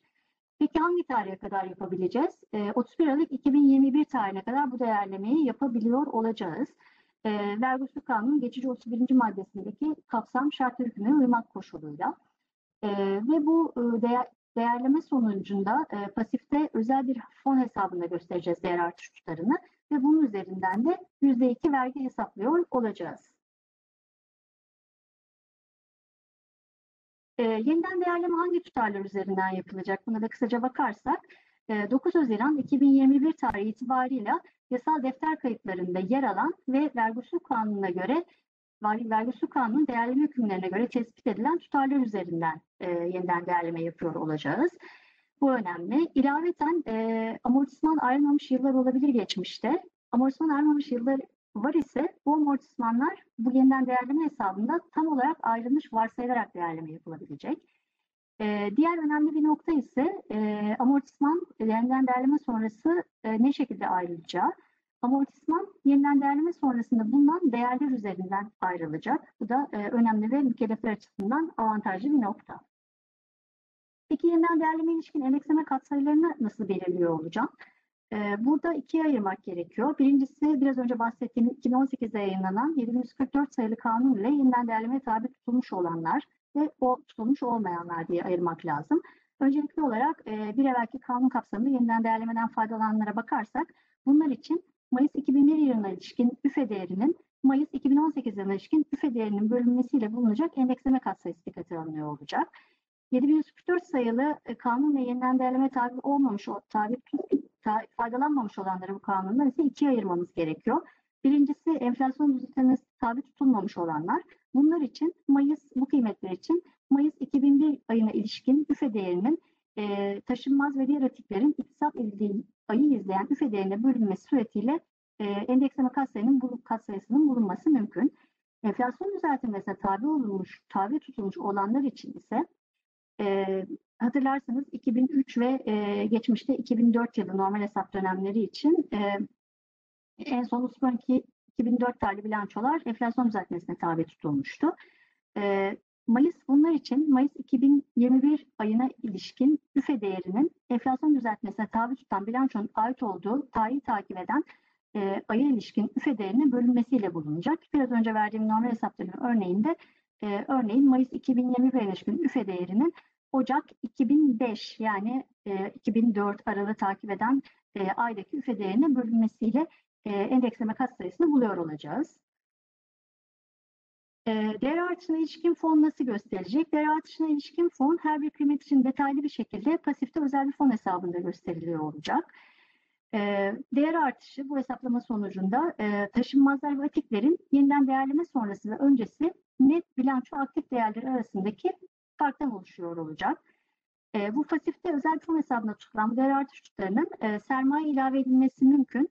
E, bunun dışında herhangi bir çekiş yapılması durumunda e, çekişin yapıldığı dönemde dönem kazancı, kazancıyla ilişkilendirilmeksizin e, kar payı stopajına ve kurumlar vergisine tabi tutuluyor olacak. Değer artışına ilişkin e, dedik e, değer artışı üzerinden %2 bir vergi ödenmesi gerekiyor. E, peki bu vergi ne zaman ödenecek? E, bu vergi yeniden değerleme işleminin yapıldığı tarihi izleyen ayın sonuna kadar bir beyanname ile e, vergi dairesine beyan edilecek. E, üç taksitte ödenme imkanı var. İlk taksit beyanname verme süresi içinde, izleyen taksitler beyanname verme süresini takip eden ikinci ve dördüncü ayda olmak üzere. Peki önemli yine bir nokta, yeniden değerlemeye tabi kıymetlerin elden çıkarılması halinde satış kazancı nasıl hesaplanacak? Ee, yeniden değerlemeye tabi tutan bu kıymetleri elden çıkarırsak eğer e, pasifte özel bir fon hesabında gösterilen değer artış kazançları, değer artışları e, bu satış kazancı tespitinde dikkate alınmayacak. Yani onlar fonda kalmaya devam ediyor olacak. E, öte yandan e, satış kazancı yeniden değerlenmiş maliyet bedelleri dikkate alarak tespit ediliyor olacak. Bu da mükelleflere getirilen e, iyi bir avantaj. E, burada anlattıklarımızı e, canlandırmak e, bakımından e, kısa bir örnek hazırlamıştık. E, 2000, Ocak 2018'de 2 milyon TL'ye satın alınan ve faydalı ömrü 5 yıl olan bir makine var. Normal amortisman yöntemiyle amortisman tabi tutuluyor. E, bu makine e, Haziran 2021'de bu kanun kapsamında değerlenirse ne şekilde bu değerleme yapılacak bunu ortaya koymaya çalıştık. E, değerleme öncesi sabit kıymet değeri 2 milyon TL, birikmiş amortisman değeri ise 1 milyon 300 bin TL. Burada 2018, 2019, 2020 amortismanları yanı sıra e, cari yıldaki ilk e, geçici vergideki hesaplanan amortisman da e, bu da dikkate alınmış durumda. Net defter değeri de 700 bin TL. Katsayı nasıl buluyorum? E, Mayıs 2021 yanlışına indeks 2021 ayına ilişkin endeksin iktisat tarihini takip eden Şubat 2018'deki e, endekse bölünmesiyle 2.03'ü tespit ediyorum. E, ve 2.03 bulduğum katsayıyı e, değerleme öncesi tutarlarla e, sabit kıymet değeri, birikmiş amortisman değeriyle e, ve net defter değeriyle çarptığım zaman yeniden değerlenmiş tutarlar e, sütununda yer alan rakamlara ulaşıyorum. Buradan görüleceği üzere e, bu kıymetin değerlenmesi neticesinde değer artış tutarı pasifte fona kaydettiğim hatırlarsanız 722.296.28 TL olacak ve e, bu e, tutar sermaye ilave etmek dışında başka amaçla kullanılması mümkün olmayacak. Bunu bir hatırlatalım ve bu tutar üzerinden de %2 oranı esas alınarak hesaplanan 14.445.81 TL ise e, vergi 3 eşit taksitte e, ödenmesi gerekecek. E, önemli nokta amortisman yeniden değerleme sabit kıymet tutarı olan 4 milyon TL üzerinden ayrılabilecek. E, 2021 e, ve tabii ki 2022'de son senede. Yine makinenin satılması halinde maliyet bedelleri değerleme sonrası rakamlar esas alınarak yani yeniden değerlenmiş tutarlar sunumunda yer alan rakamlar dikkate alınarak yani bugün itibariyle bu yıl içerisinde satılması halinde diyebiliriz. E, yeniden değerleme sonrası rakamlar esas alınarak e, maliyet bedellerinin çıkışı yapılıyor olacak. E, benim e, anlatacaklarım bu şekilde. E, dinlediğiniz için çok teşekkürler. Soru cevap kısmında sorularınızı alıyor olacağım. Söz sende galiba Nihat. Teşekkürler. Teşekkürler Banu. Ee, Merhaba Nihat Sönmez ben tekrar. Az önce teknik bir arıza e, yaşadım. Bundan dolayı kaynaklanan gecikme için özür dilerim öncelikle herkesten. Ee, Sunumuma kaldığım yerden devam edeceğim. İlk başta kimlerden faydalan kimler faydalanabilir ve başvuru için gerekli olan şartlardan bahsetmiştik. Ee, En sonda kurumlar vergisine ilişkin olarak e, madde haklarının bahsetmek üzereyken zannediyorum ekranım kilitlendi. Madde artırımına açık olan yıllara baktığımız zaman tarz zamanı aşırma süresi de aynı. 2016'dan 2020 yılına kadar olan dönemin madde artırımı hükümlerinden faydalanması söz konusu olabilir. Arttırılacak masraflar hangi oranda arttırılacak diye baktığımız zaman yıllar itibariyle değişen %15'ten başlayıp %35'e kadar e, artan oranlarla masraf arttırımı yapmak gerekiyor. Peki arttırılan masraflar üzerinden ne kadar vergi ödeyeceğiz diye baktığımız zaman arttırılan masrafların %20'si olarak tanımlanmış durumda kanunda. Fakat bazı durumlarda indirimli vergi uygulamasından faydalanmak söz konusu olabilir indirimli vergide %15 olarak uygulanmakta. Peki bunun için gerekli olan şartlar nedir diye baktığımız zaman bir yılda beyannamenin e, kanuni süresinde verilmesi ve ödemenin de yine kanuni süre içerisinde yapılması. Bunun yanında az önce Emrah Bey ve Hakan Bey'in de anlattığı gibi kanunun kesinleşen veya kesinleşmemiş veya dava safhasında bulunan alacaklara ilişkin hükümlerinden faydalanmamış olmak gerekmekte. Maça aktarımı e, uygulamasında e, önemli olan hususlardan biri de asgari matra. Zarar beyan eden veya istisnadan dolayı matrağı olmayan kurumların asgari tutarda matrah arttırımında bulunması gerekiyor.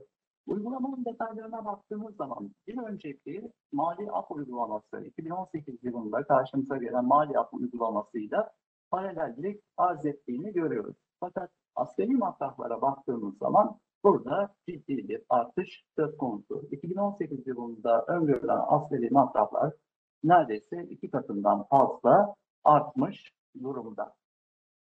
Uygulamada dikkat edeceğimiz hususlar öncelikle matrah artırımı yapılan yıllara ilişkin devreden mali zarar olması durumu. Bu mali zararın 2021 ve takip eden yılların karından mahsup edilmesi mümkün değil. Fakat 2020 yılına kadar bu mali zararlar e, mahsup edilmişse bu dönemde ilişkin olarak bir düzeltme yapılmasına gerek yok. Yine maça artırımı yapılan yıla ilişkin mali zararın 2021 yılı geçici vergi dönemlerinde de mahsup edilmiş olması söz konusu olabilir. Böyle bir durumda da yine geçici vergi beyannamesinin düzeltilmesine gerek bulunmamakta. Fakat burada istisnai bir durum var. O da özel hesap dönemine tabi olan mükellefler. Özel hesap dönemlerinde vergi usul kanununa göre özel hesap döneminin bittiği e, yılın kazancı olarak kabul ediliyor. Ve 2021 yılında biten döneme ilişkin olarak kurumlar vergisi beyannamesi verilmiş ve matra arttırışı yapılan yıla ilişkin zarar mahsup edilmiş ise bu beyannamenin düzeltilmesi gerekmekte. Fakat böyle bir düzeltme ceza veya faiz ödemeden yapılabilecek bir düzeltme. Bazı mükellefler geçmiş yıllardan taşıdıkları e, stopaja tabi yatırım indirimi uygulamasından faydalanmaktalar. Eğer e, kurumlar vergisi açısından matrah arttırımı yapılırsa vergi incelemesi ve tarhiyat yapılmaması için bu durumda olan mükelleflerin yatırım indirimi stopajı içinde vergi arttırımı uygulamasından faydalanması gerekiyor. E, artırımını kimler yapabilir diye baktığımız zaman e, faaliyetlerine devam eden kurumlarda kurum temsilcilerinin e, yanı sıra tasfiye halindeki kurumların da uygulamadan e, faydalanması söz konusu olabilir. Fakat tasfiyesi tamamlanmış ve ticari sicilinden kaydı silinmiş bir kurumun artık tüzel kişiliği kalmadığından dolayı kurum olarak bir başvuru yapılması mümkün değil. Tasfiye öncesi dönemler için kanuni temsilciler, tasfiye dönemi içinde tasfiye memuru tarafından bu başvurunun yapılması söz konusu olabilir. Yine kurumlar vergisi kanununda tanımlanan e, devir veya tam bölünme işlemleri de özellikle bir durum olarak karşımıza çıkıyor. Devir yoluyla varlığı sona ermiş şirketin devralan şirket tarafından matrah arttırma hükümlerinden faydalanması söz konusu olabiliyor. Tam bölünme sonucunda oluşan şirketlerin de geriye dönük olarak tam bölünmeden önceki kurum için, varlığı sona eren kurum için matrah arttırma talebinde bulunmaları mümkün. Fakat burada tam bölünme sonucu oluşan kurumların tümünün başvuru yapması gerekiyor. Ayrıca e, başvuru var elektronik ortamda yapılabilir. Verilecek basit bir bildirimle. Ama birden fazla kişi veya kurum tarafından, kurum tarafından bir başvuru yapılması gerektiği durumlarda, işte tam bölünme durumunda olduğu gibi, bu durumda e, başvuruların kağıt ortamında yapılması gerektiğini de hatırlatalım. Artırılan masraflar nedeniyle e, bir geçici vergi ödenmesi söz konusu değil. Fakat artırılan masraflar nedeniyle hesaplanan vergiden daha önce tevkif yoluyla ödenen vergilerin mahsup edilmesi de mümkün değil. Bunun dışında istisna ve indirimler ile geçmiş yıl zararları da yine arttırılan masraflardan mahsup edilemiyor. Yıllara sahne inşaat işi yapan e, mükelleflerde ise e, birden fazla e, inşaat birden fazla dönemi ilgilendirebileceğinden dolayı her inşaat itibariyle işin bittiği yıl esas alınmak suretiyle matra artırımı yapılması mümkün. Kanunun yayınlanmasından önce bir tahiyat yapılmışsa ve bu tahiyat da kesinleşmiş ise böyle bir durumda e, tarih edilen rakamın da dikkate alarak artan vergi matrağını hesaplamak gerekiyor. Keza daha önceden düzeltme talebinde bulunmuş ve bu düzeltme talebi de kesinleşmişse yine düzeltilmiş rakamlar esas alınarak matra artırımı yapılması gerekiyor. Matra artırımı inceleme ve tarihatta muhatap olmamak için e, tercih ettiğimizi söylemiştik. Fakat bunun bir istisnası var. O da matra artırımı yapılan e, yıla ilişkin olarak bir vergi iade talebinde bulunursa bu iade talebiyle sınırlı olmak üzere halen daha inceleme yapılması söz konusu olabilir.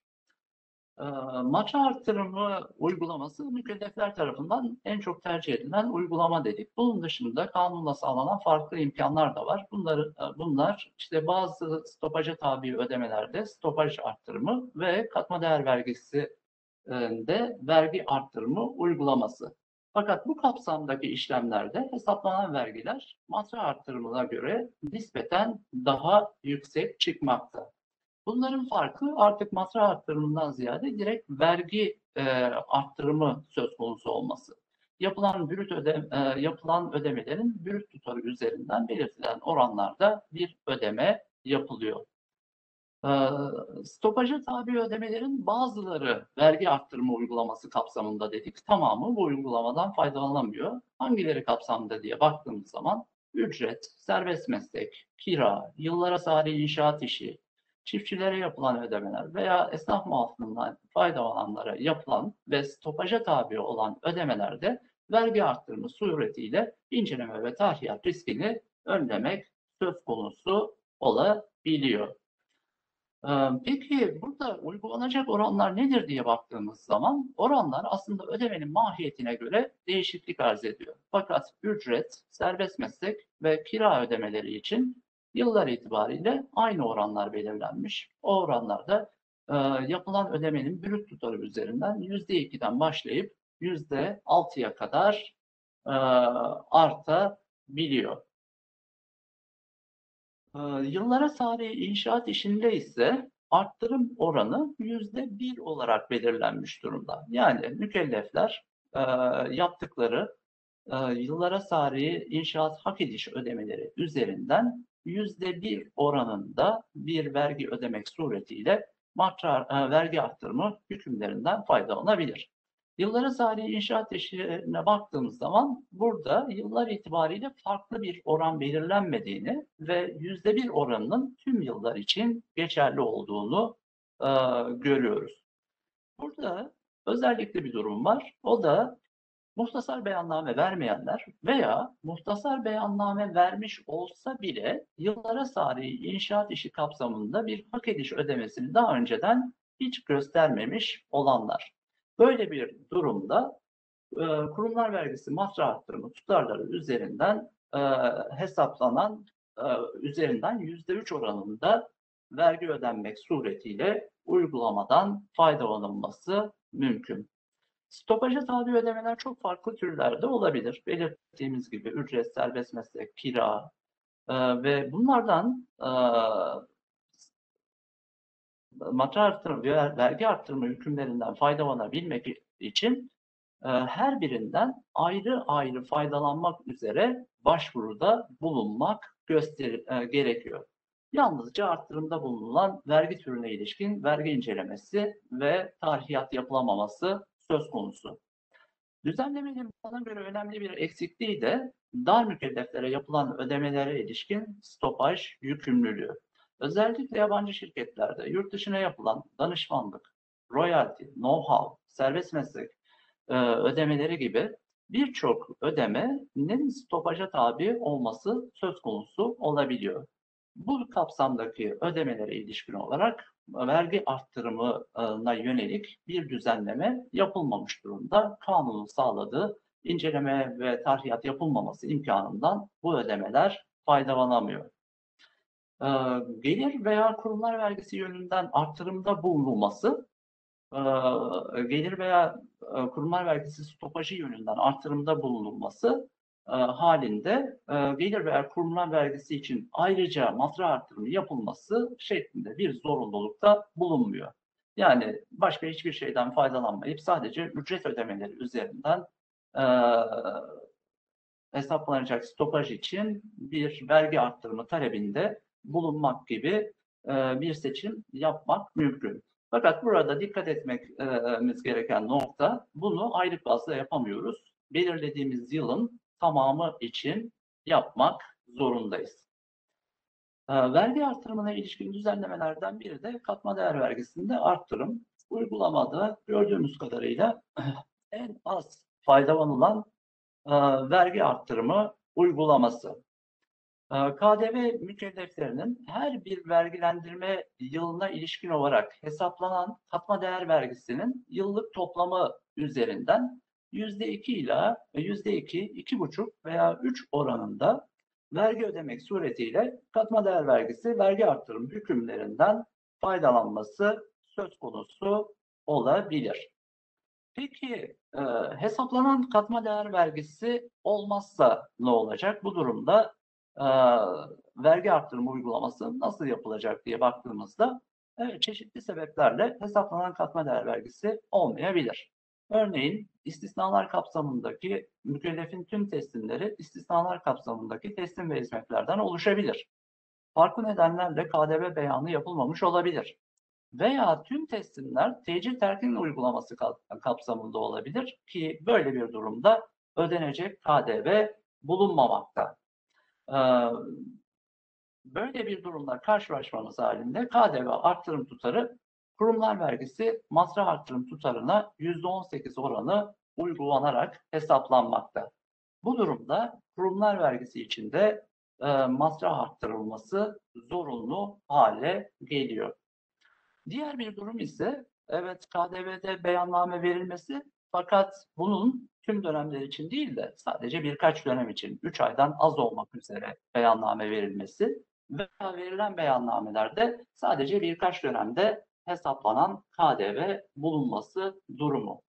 Böyle bir durumda bir karşılaştırma yapılıyor. Öncelikle e, gelir veya kurumlar vergisi e, için masraf arttırımı yapılması e, yapılan masraf arttırımının %18'i ile ile KDV masraf arttırımı nedeniyle ödenmesi gereken vergi karşılaştırılıyor ve e, bunlardan yüksek olanı ödeniyor. Bu karşılaştırmanın yapılabilmesi için de yine e, kurumlar vergisi için masraf arttırımı yapılması zorunlu hale geliyor. Şimdi ödeme e, matra, KDV'de vergi arttırımı uygulamasında dikkat etmemiz gereken hususlardan en önemlisi şu. Sorumlu sıfatıyla ödenen KDV'ler kapsamda değil. Şimdi sorumlu sıfatıyla KDV yurt içinde kısmi tevkifat kapsamındaki işlemlerde veya yurt dışına yapılan hizmet ödemelerinde tam tevkifat kapsamındaki işlemlerde karşımıza çıkabilir. Ee, ve buna ilişkin olarak bir vergi riskimiz varsa KDV'de e, vergi arttırma uygulamasında faydalanarak bunu ortadan kaldırmak mümkün bulunmamakta. KDV'de vergi arttırımı yapılan e, yıllara ilişkin olarak inceleme ve tarhiyat yapılamıyor. Fakat bunun da bir istisnası var. O da devreden KDV yönünden yapılacak olan incelemeler. Devreden KDV yönünden halen daha bir inceleme yapılabilir. Ancak bunun sonucunda vergi arttırımı yapılan yıla ilişkin olarak bir vergi tarih edilemez. Sadece devredilen KDV rakamı düzeltilebilir. KDV yönünden masraf arttırımı yapılması mükellefler tarafından zaman zaman e, faturasız satış yapıldığının veya çıkış yapıldığının herkese ilan edilmesi olarak da değerlendirilebiliyor. Bu açıdan da bakıldığında mükellefler tarafından çok fazla tercih edilmediğini gözlemlemekteyiz. Fakat geçmişteki tecrübemizde KDV yönünden matra artırımı yapan mükelleflere bu gözle bakılarak negatif bir ayrımcılık yapılmasıyla şeklindeki bir uygulamayla da karşılaşmadığımızı belirtebilirim. Şimdi masraf veya vergi arttırımı uygulamasında ödediğimiz vergiler ne olacak diye baktığımız zaman bu vergilerin gider veya maliyeti unsuru olarak değerlendirilmesi mümkün değil. Başka bir yükümlülükten mahsup edilmesi veya herhangi bir şekilde iade edilmesi de mümkün değil.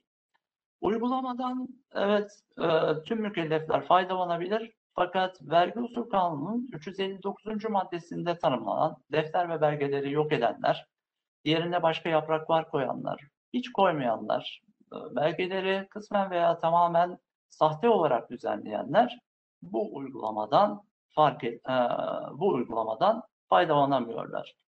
Fakat henüz daha bu kapsamda incelemede olan ancak e, bir e, inceleme sonuçlanmadığından dolayı ortada kesinleşmiş e, bir suç ve ceza bulunmayan durumlarda e, halen daha matrah arttırımı uygulamasından faydalanmak söz konusu olabilir. Bu kapsamda incelemeleri devam eden mükelleflerin başvurularına ilişkin, e, matrah arttırımına ilişkin yaptıkları başvurulara ilişkin tahakkuklar bekletiliyor. Ne zamana kadar? İnceleme sonuçlanana kadar. Peki inceleme e, ne zaman sonuçlanacak? Kanunda yayın tarihinden itibaren en geç bir yıl içerisinde yani 9 Haziran 2022 tarihine kadar varsa bu kapsamdaki incelemelerin sonuçlandırılması zorunlu. İnceleme sonucunda bir tespit olmazsa daha önceden verilen beyanlara ilişkin yapılan tahakkuklar kesinleştirilmiş hale getirilecek ve ödeme yükümlülüğü başlayacak. Ancak e, inceleme sonucunda Vergi Usul Kanunu'nun 359. maddesinde bulunan fiilleri, işledikleri tespit olunanların verdikleri e, bildirimler iptal edilerek dikkate alınmayacak. Masraf arttırımı yaptığımız zaman veya vergi arttırımı hem kurumlardan hem KDV'den yapsak bile sonuç değişmiyor. Her iki durumda da inceleme ve tarhiyat yapılması mümkün değil belki ama bu e, ilgili yıllarda defter ve belgelerin muhafaza yükümlülüklerini ortadan kaldırmıyor. Her ne kadar inceleme yapılamayacak olsa da halen daha defter ve belgeleri muhafaza etmek zorundayız. İlgili yıllarda faaliyette bulunmuş ancak hiç beyanname vermemiş olan mükelleflerin de bu uygulamadan faydalanması mümkün. Özellikle son dönemde e, maliye inceleme elemanları tarafından yapılan dar mükellef kurumlara yönelik olarak çok kapsamlı incelemeler var. Bu incelemelerin asıl konusu da dar mükelleflerin internet üzerinden, internet sitesi üzerinden vermiş oldukları hizmetler sonucu elde ettikleri gelirlerin vergilendirilmesine yönelik olarak maliye inceleme elemanları bu internet sitelerini iş yeri olarak kabul ettiğinden dolayı Türkiye'de bir temsilcisi herhangi bir mükellefiyeti bulunmayan bu dar mükellef kurumlar için de inceleme başlatabiliyor. Bu kapsamda olan kurumlar bile gelip mükellefiyet tesis etmek suretiyle masraf arttırımı hükümlerinden faydalanarak geçmiş yılları e, geçmiş yılları inceleme ve tarhiyata kapatmaları mümkün olabiliyor. Masraf veya vergi arttırımı nedeniyle e, önceki uygulamalardan farklı olarak karşımıza çıkan bir uygulamada ödenecek vergilerin peşin olarak ödenmesi halinde hesaplanan tutarlardan %10 oranında indirim yapılması. Daha önce vergi incelemesi yapılmış yıllara yönelik olarak da matrah arttırımından halen daha faydalanmak söz konusu olabiliyor. E, matrah ve vergi arttırımında bulunan e, mükellefler hakkında eğer devam eden bir inceleme varsa bu incelemelerin 2 Ağustos tarihine kadar sonuçlandırılması gerekiyor. Eğer sonuçlandırılamazsa bu incelemelere devam edilmiyor. İnceleme sonucunda veya 2 Ağustos tarihine kadar e, bir matraf farkı bulunursa şayet bu matraf farkı ile mükellefin arttırdığı matraflar karşılaştırılıyor.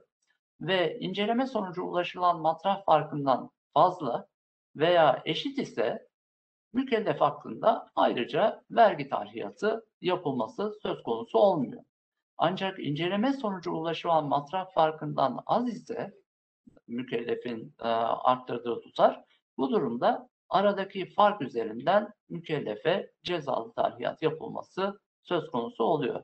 Fakat böyle bir cezalı tarhiyat durumunda e, da az önce Hakan Bey'in de belirttiği gibi inceleme ve tarhiyat safhasında bulunan işlemler maddesindeki hükümlerden faydalanarak vergi aslının %50'sinin ödenmesi ve vergi ziyaret cezasının silinmesi suretiyle hareket edilmesi de mümkün olabiliyor. Ee, Benim sunumum bu kadar. Hepinize sağlıklı günler dilerim ve bundan sonra e, sosyal güvenlik borçlarının yapılandırılması ile ilgili sunumu için sözü İsmail Bey'e devrediyorum. Teşekkürler Nihat, çok sağ ol.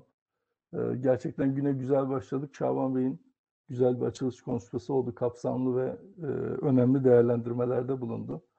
Ee, sonra Emrah'ın, Banu'nun, Zahide'nin, Nihat'ın, Hakan'ın gerçekten tatmin edici, e, benim için de son derece faydalı sunumları oldu. Çok kıymetli misafirlerimiz, davetlilerimiz hoş geldiniz. Ee, Ben biraz SGK sosyal güvenlik borçlarından, sosyal güvenlik yapılandırmasından bahsedeceğim. Mümkün olduğu kadar da sizi sıkmadan kısa bir sürede bitirmek istiyorum aslında. Tabii bu sürpriz olarak geldi sosyal güvenlik borçları karşımıza yapılandırması. Ee, nerede oldu? Bir saniye. Sürpriz olarak geldi derken çünkü henüz bir yapılandırmadan çıkmışken tekrar bir yapılandırmaya girdik. Yani böyle 6-7 aylık e, bir süre geçmişti daha ve bu sefer 4. ayda kapsama alındı. E, 103 milyar bir borç yapılandırmıştı SGK. 13-14 milyar bir tahsilat yapmıştı. Tekrardan bir 75 milyarlık bir yapılandırılabilir borçla girdi. Aslında bunun temel sebebi maliye tarafının e, muhtemelen matrah artırımı ile ilgili olan düzenlemeye yapılandırmaya eklemesi. SGK'nın da buna biz de girelim o zaman. Yani bütün borçlar yapılandırıyorken demesi. E, tabii burada yararlanacak çok husus var. E, bunlara dikkat etmek lazım ama prensipte de Şaban Bey'in başta dediği gibi bu tarz yapılandırmalar primini düzenli ödeyenler açısından zaman zaman risk ve zaman zaman e, bir adalet duygusu açısından bir sorgulayıcılık olabiliyor. Her ne kadar 5 puan indirim olsa da. Şimdi ben kısaca neler yapılandırma kapsamında sigorta primleri, işsizlik sigortası primleri, sosyal güvenlik destek primleri, isteğe bağlı sigorta primleri, topluluk sigortası bu eski avukatlarla ilgili husus. Genel sağlık sigortası primleri Türkiye'nin yaklaşık tamamını ilgilendiriyor ama özellikle ilgilendirdiği bir 10 milyonluk kesim var. SGK tarafından takip yapılan damga vergisi, özel işlem vergisi, eğitime katkı var yine.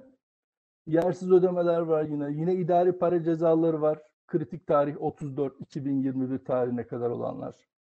Kesinleşmiş olanlar. Veya işte kesinleşmiş olan değil aslında işlenen fiillere yön- yönelik olanlar. Yani kesinleşmese de işlenen fiiller 34-2021 tarihine kadar olması gerekiyor.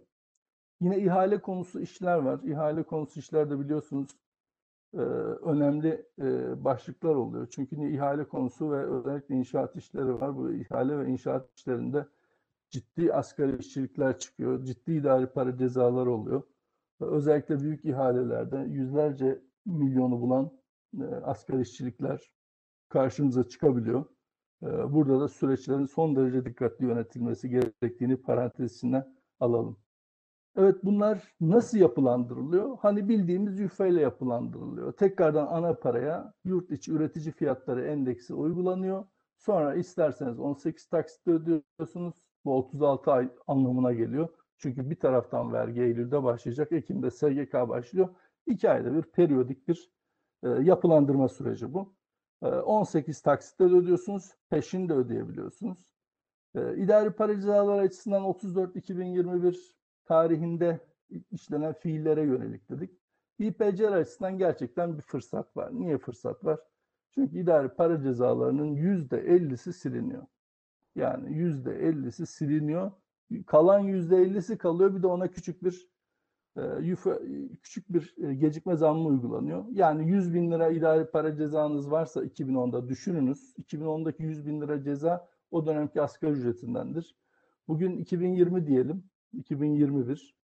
Ee, 10 yıl içinde bunu 50 51 bin lira olarak ödüyorsunuz. Yani ödemediğiniz aslında idari para cezaları ödemeyin demeyeceğim ama neredeyse ödemeyin diyecek oluyorum. İdari para cezaları çünkü çok avantajlı oluyor. Primler öyle değil. primleri ödememiz lazım. Yüzde beş çünkü aylık indirim alıyoruz. Yüzde beş önemli bir indirim. E, yapılandırmaya da girse bu kadar yararlanamıyorsunuz. Yani aylık yüzde beş bir bonus oluyor primler açısından. Ama idari para cezaları açısından maalesef çok ciddi bir indirim var. Yani borcu olanlar için güzel de olmayanlar açısından veya zamanında ödemişler açısından tabii niye biz fazla ödedik diye bir sorgulama yapabilirler. Yine e, e, yüz, yüfe uygulanıyor evet yüzde ellisine. E, evet burayı da ilerleyelim. E, burayı da ilerleyelim geçelim. Evet başvuru şartı Emrah da belirtti. Ne zaman? 31.8.2021 ikisi için de başvuru şartı. Yani bu tarihi geçirmeyeceğiz.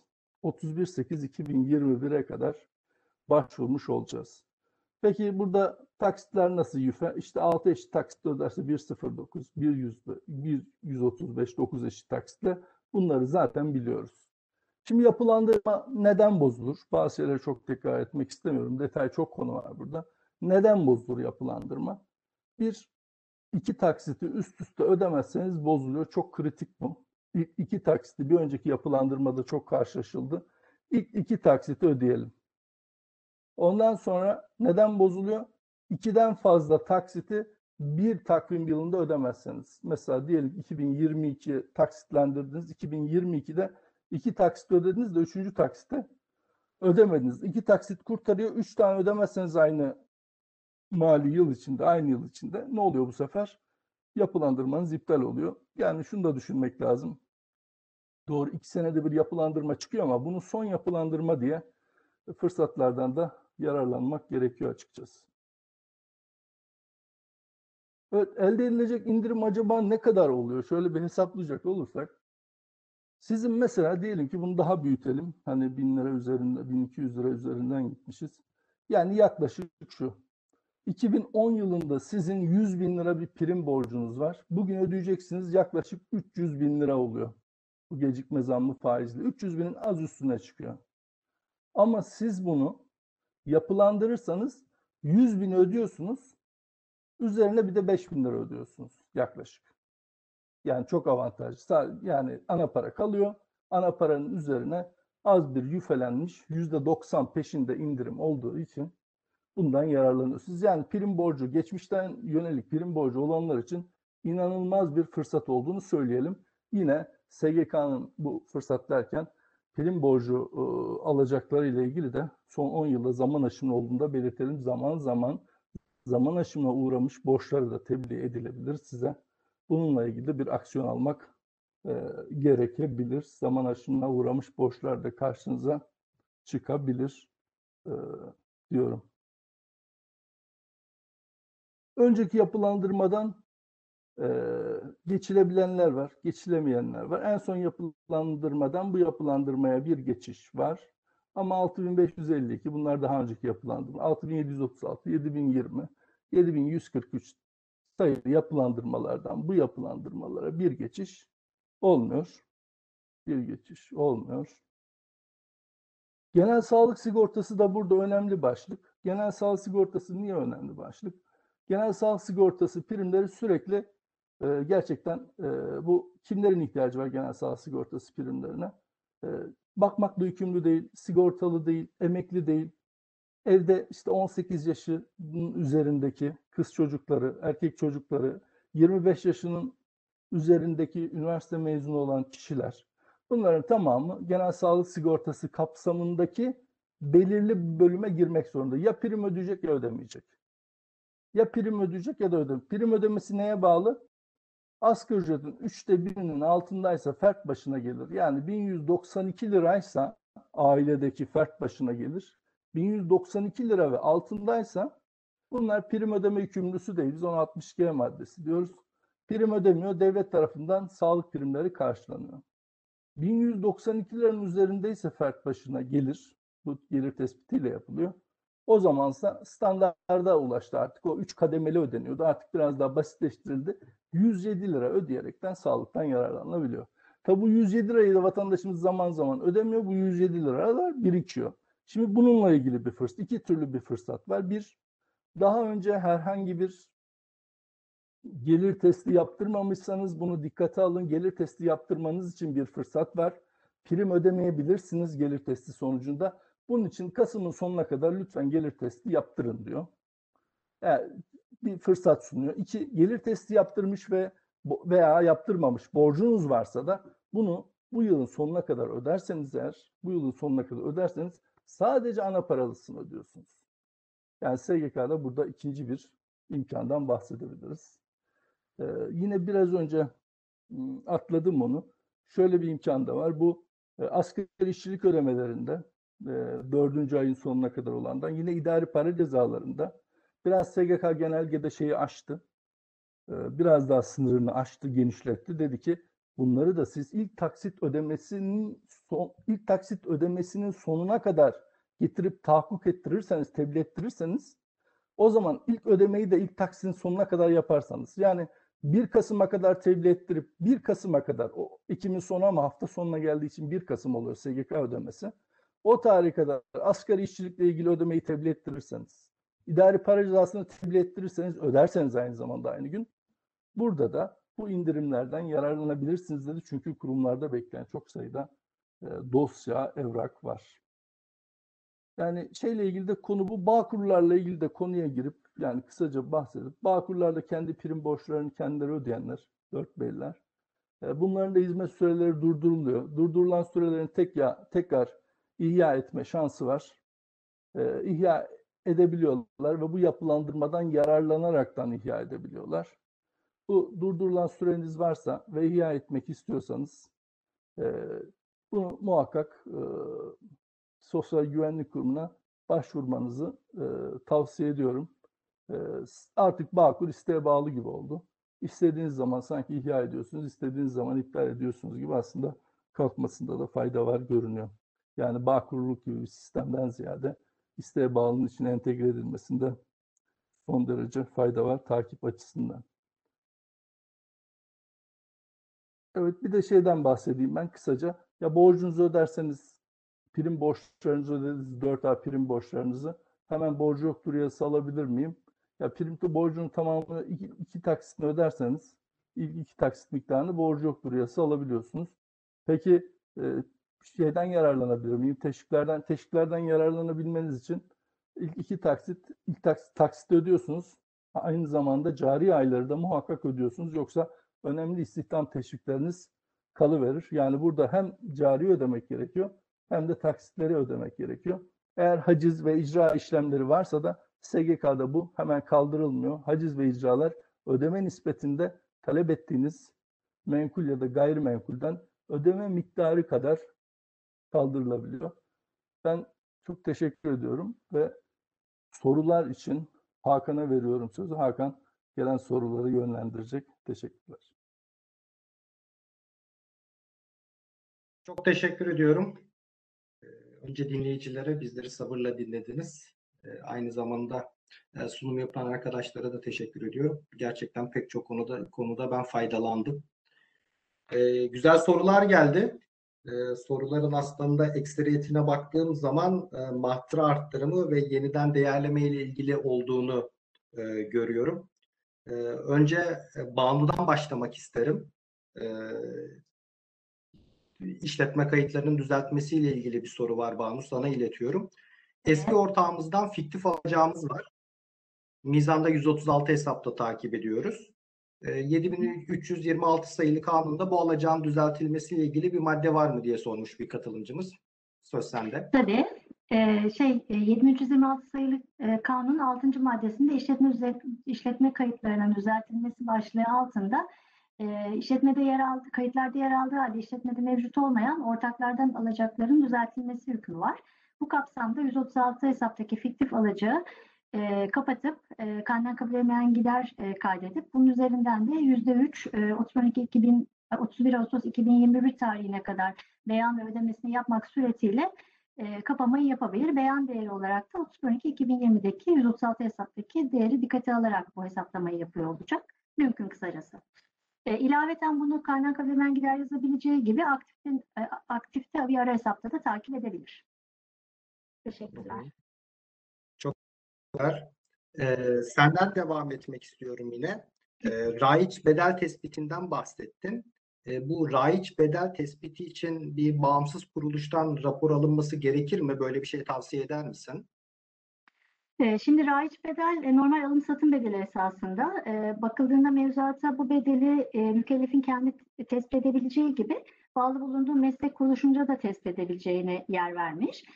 Aslında bağımsız denetim raporu ile ilgili bir bağımsız değerleme kuruluşundan bir rapordan bir zorunluluk olarak bahsetmiyor.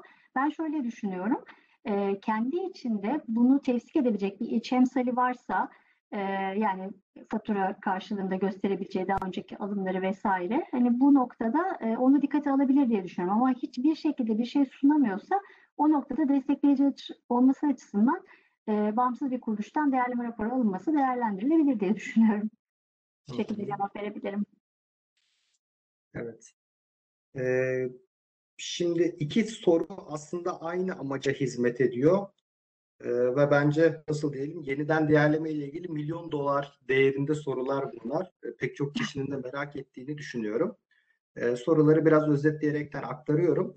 Ee, duran varlık listelerinde herhangi bir eksiğimiz yok. En son 2004 yılında enflasyon düzeltmesi yapmış bir firmayız. Ee, ve bu yeni uygulamanın bilanço ve vergisel avantaj ve dezavantajlarını değerlendirir misiniz? Yine Hı hı. benzer bir soru şeyle de bağlı. %2'lik vergi tek seferde mi ödenecek sorusuyla birlikte e, yeniden yeniden değerlemeyi vergi planlaması açısından tercih eder misiniz? Ve bunu da yan bir fayda olaraktan şu sorulmuş. Bu yeni hayatımıza giren finansman gider kısıtlaması var. Finansman gider kısıtlamasında da öz kaynak sınırı var biliyorsun. Hı hı. Bu öz kaynakların arttırması anlamında da bu yeniden değerlemenin bir faydası olur mu diye sormuşlar. Ee, öncelikli olarak e, %2 ödenecek vergi e, 3 taksitle ödenebiliyor. Bunu belirteyim. E, genel değerlendirmesini yaparsak şimdi bu yeniden değerleme bize ne imkanlar sağlıyor? Bilanço bazında öncelikli olarak bilançoların e, güncel hale e, daha yakın bir e, hale getirilmesine, güncel hale dönüştürülmesine imkan tanıyor. Oluşturulan e, pasifte takip ettiğimiz fon öz varlıkları güçlendirici bir kalem olarak yer alıyor. Bunu orada takip edebildiğim gibi sermayede de gösterebiliyorum. Kısacası benim mali tablolarımı bu anlamda iyileştiriyor. E tabii öz varlıkları e, kuvvetlendirdiği için otomatikman e, bu öz kaynağı güçlendirdiğinden ötürü e, finansman gider kısıtlaması ve örtülü sermaye gibi e, düzenlemelerde e, düzenlemelerden kaynaklı KKG tutarının azaltılmasına da e, yol açmış oluyor. Bence bu önemli. E, dolayısıyla bunlar e, bir faydaları. Bir de ilaveten faydaları yeniden değerlenmiş tutarlar üzerine amortisman ayrılabiliyor. Özellikle net defter değeri sıfırlanmamış olan, 2008'den önce alınmış olan iktisadi e, kıymetlerin yeniden değerlemeye tabi tutulmasında 2018 ve 2020'deki katsayılar yüksek olduğu için burada bir avantaj yakalanması e, mümkün. E, ve öte taraftan bu kıymetlerin satılması ile ilgili plan varsa e, değerlenmiş tutarlarının dikkate alınması münasebetiyle orada e, satış kazancının daha düşük e, ilerleyen zamanda beyan edilmesi de mümkün. Şimdi bunlar genel e, aslında avantajları. Tabii bu aslında her firma kendi özelinde e, hem birincisi e, mesela itfa almamış e, sabit kıymetleri var mı? Hani bunların tutarı ne? Ne kadar itfa olmamış? Bunları elden çıkarılması, bunların üzerinden ne kadar amortisman ayıracak yeniden değerleme yaptığında? Çıkarmayı planlıyor mu? Çıkarmayı planladığında kayıtlarındaki e, şu andaki mevcut değeriyle raiç bedel arasında çok fark var mı? Yani bütün bu unsurların birlikte dikkate alınarak bu analizin bence matematiksel olarak yapılması gerektiğini düşünüyorum. Bunlar o yüzden genel şeyler söyleyebilirim bu noktada. Ee, bir soru da e, geçici vergi dönemlerinde yani e, Haziran'da yapmaya başlasak mı yeniden değerlemeydi? Dediğim gibi hani bu analizler çerçevesinde e, geçici vergi döneminde yaptığında Haziran sonunda daha yüksek amortisman ayırıyor olacak. E, o bir avantaj olabilir. Bir de tabii finansman gider kısıtlaması ile ilgili e, öz varlıklarla ilgili bir problemi varsa o noktada da şüphesiz geçici vergi dönemlerinde de katkıda bulunacak. Çünkü bilindiği üzere finansman gider kısıtlamasında e, geçici vergi dönemleri sonundaki cari bilançoları dikkate alarak e, işlem yapıyoruz. Genel olarak bunları söyleyebilirim. Evet. Ee, aslında bu son sorum olacaktı ama bir soru daha geldi ve ben gerçekten e, çok mantıklı buluyorum bu soruyu. Ona yöneltmek istiyorum. Bu yeniden gayrimenkulleri ve amortismana tabi iktisadi kıymetleri yeniden değerlerken e, hangi e, varlıkları seçeceğimiz konusunda bir seçimlik hakkımız var mı? Yoksa hepsini seçmek zorunda mıyız? Şöyle bir kere öncelikli olarak şunu söyleyelim. Yeniden değerleme ihtiyari. Zorunlu değil. Ee, isteyen yapar, isteyen yapmaz mükelleflerden kapsamda olanlar.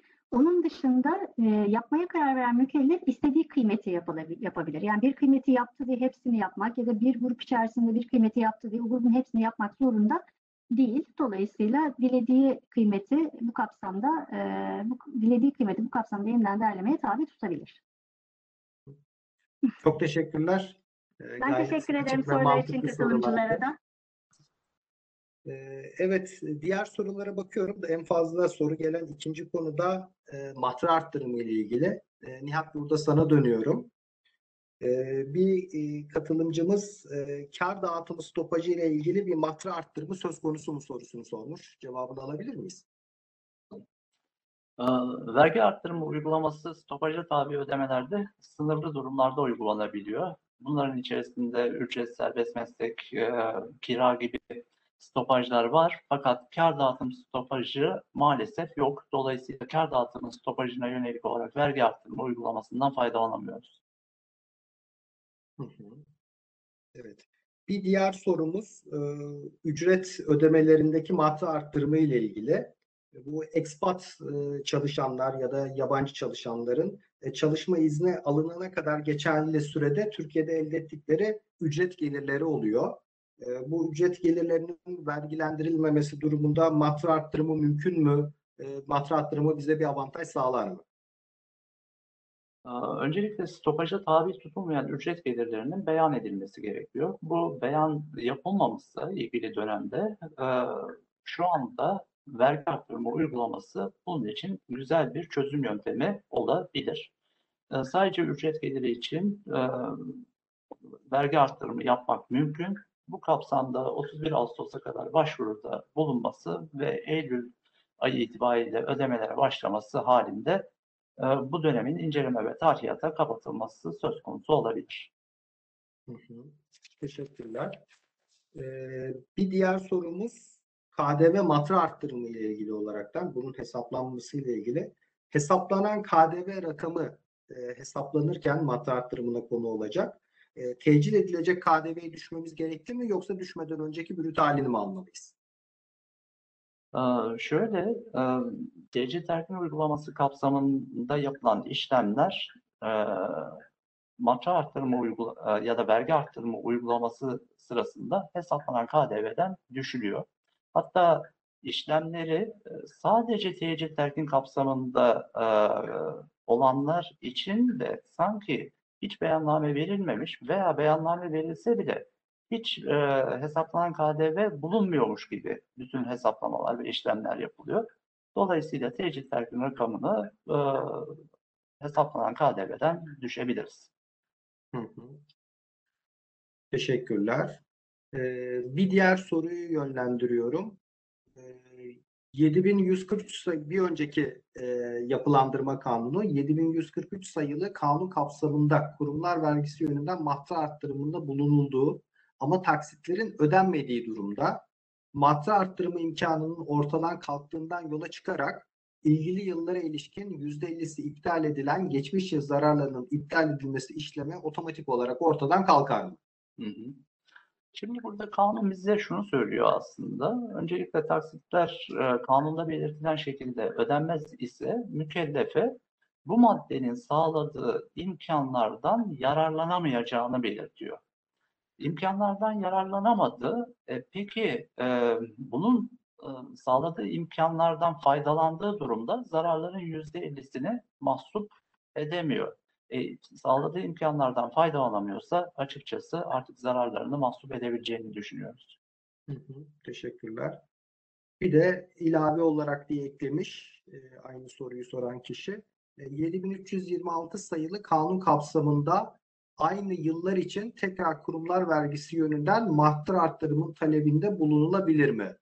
Hani soruyu tam anladığımı e, düşünemiyorum. Neden bir daha mahtar arttırımında bulunma ihtiyacı oldu? Ama bu çerçevede değerlendirirsen sevinirim. Hı hı, anladım. Yani herhalde şöyle bir e, durumdan bahsediyoruz. 7326 sayılı kanundan önce 7143 sayılı kanun vardı ve o kanun kapsamında 2017, 16, 15, 14 13 yıllarına ilişkin olarak matra arttırımında bulunabiliyorduk. Şimdi 15, 16, 17 yani 3 yıl kesişiyor. Eğer daha önceden e, kanun kapsamın, e, kanundan faydalanmışsak, ödemeleri de zamanında yapmışsak tekrar e, materyal artırımında bulunmak bize herhangi bir fayda sağlamayacağından dolayı bulunmaya gerek yok diyebiliriz. Hı hı. Teşekkür ediyorum. Diğer sorulara bakıyorum. Ee, benim alanımla ilgili, ha, seninle de ilgili olabilir. Nihat birlikte istersen e, konuşalım. Ee, 2017 yılında iş değişikliği yapmış mükellef. Ee, ama beyanname verilmemiş bu işleme ilişkin olaraktan. Kanun hükümlerinden faydalanılabilir mi e, sorusu sorulmuş. Ben e, iki e, uygulama olabileceğini düşünüyorum. E, kanunun süresinden sonra kendiliğinden verilen beyanname hükümleri çerçevesinde beyanname verilebilir. E, bu beyannamede %50 vergi ziyaret cezası çıkacaktır normal koşullarda. Fakat kanun kapsamında aslı ödenmesi kaydıyla asla bağlı vergi cezalarının tamamının tahsilinden vazgeçildiğinden bu cezadan kurtululabilir. Faiz olaraktan da e, gecikme faizi yerine e, yurt içi e, üfe aylık değişim oranları kapsamında yapılan güncelleme tutarının ödenmesiyle e, hani bu sorun çözülebilir diye düşünüyorum. Diğer bir alternatif de matra arttırma olabilir ilgili yıla. Böyle bir durum olursa zaten ilgili belge türü açısından incelemeye kapalı olacak o yıl. Eklemek istediğim bir şey var mı? Evet, e, faaliyette bulunup gelir elde etmesine rağmen mükellefiyet tesis eden fakat beyanname vermeyen veya hiç mükellefiyet tesis ettirmeyenlerin dahi matra artırma kapsamında kanun sağladığı imkanlardan faydalanması söz konusu olabilir. Hı hı. Teşekkürler.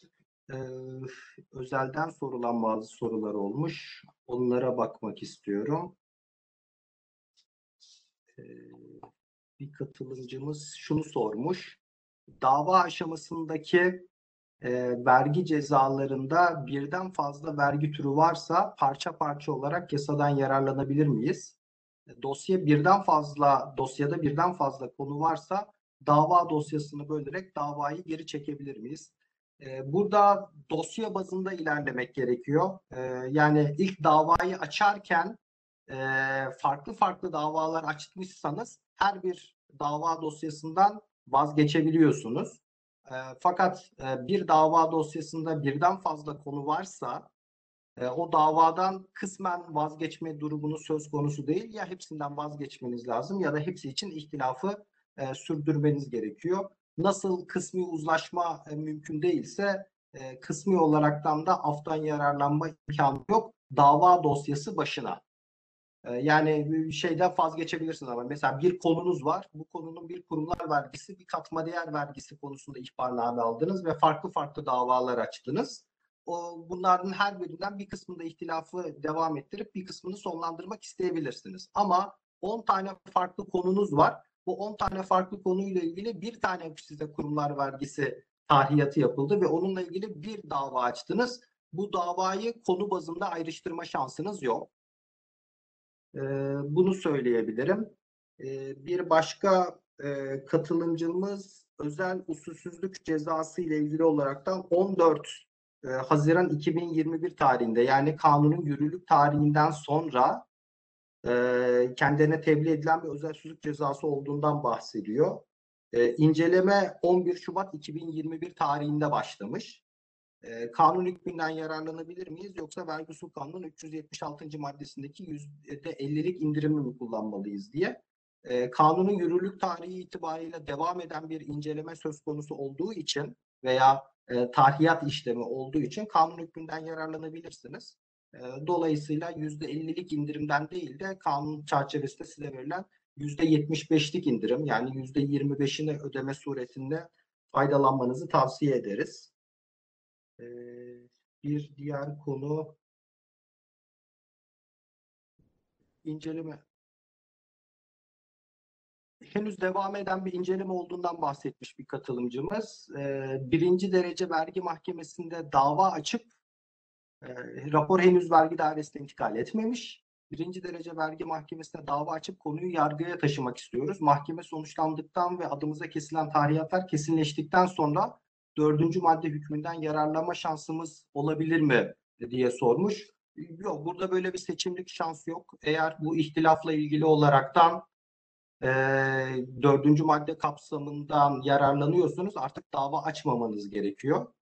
E, dolayısıyla yani ben mahkemenin sonucunu bekleyeyim. Mahkemenin sonucuna göre af kanunundan yararlanırım diye bir e, hak vermiyor maalesef. Dolayısıyla ya dava yolunu seçeceksiniz ya da af yolunu seçeceksiniz. Bu tarihata ilişkin vergi ceza ihbarnamesi sizin elinize ulaştıktan sonra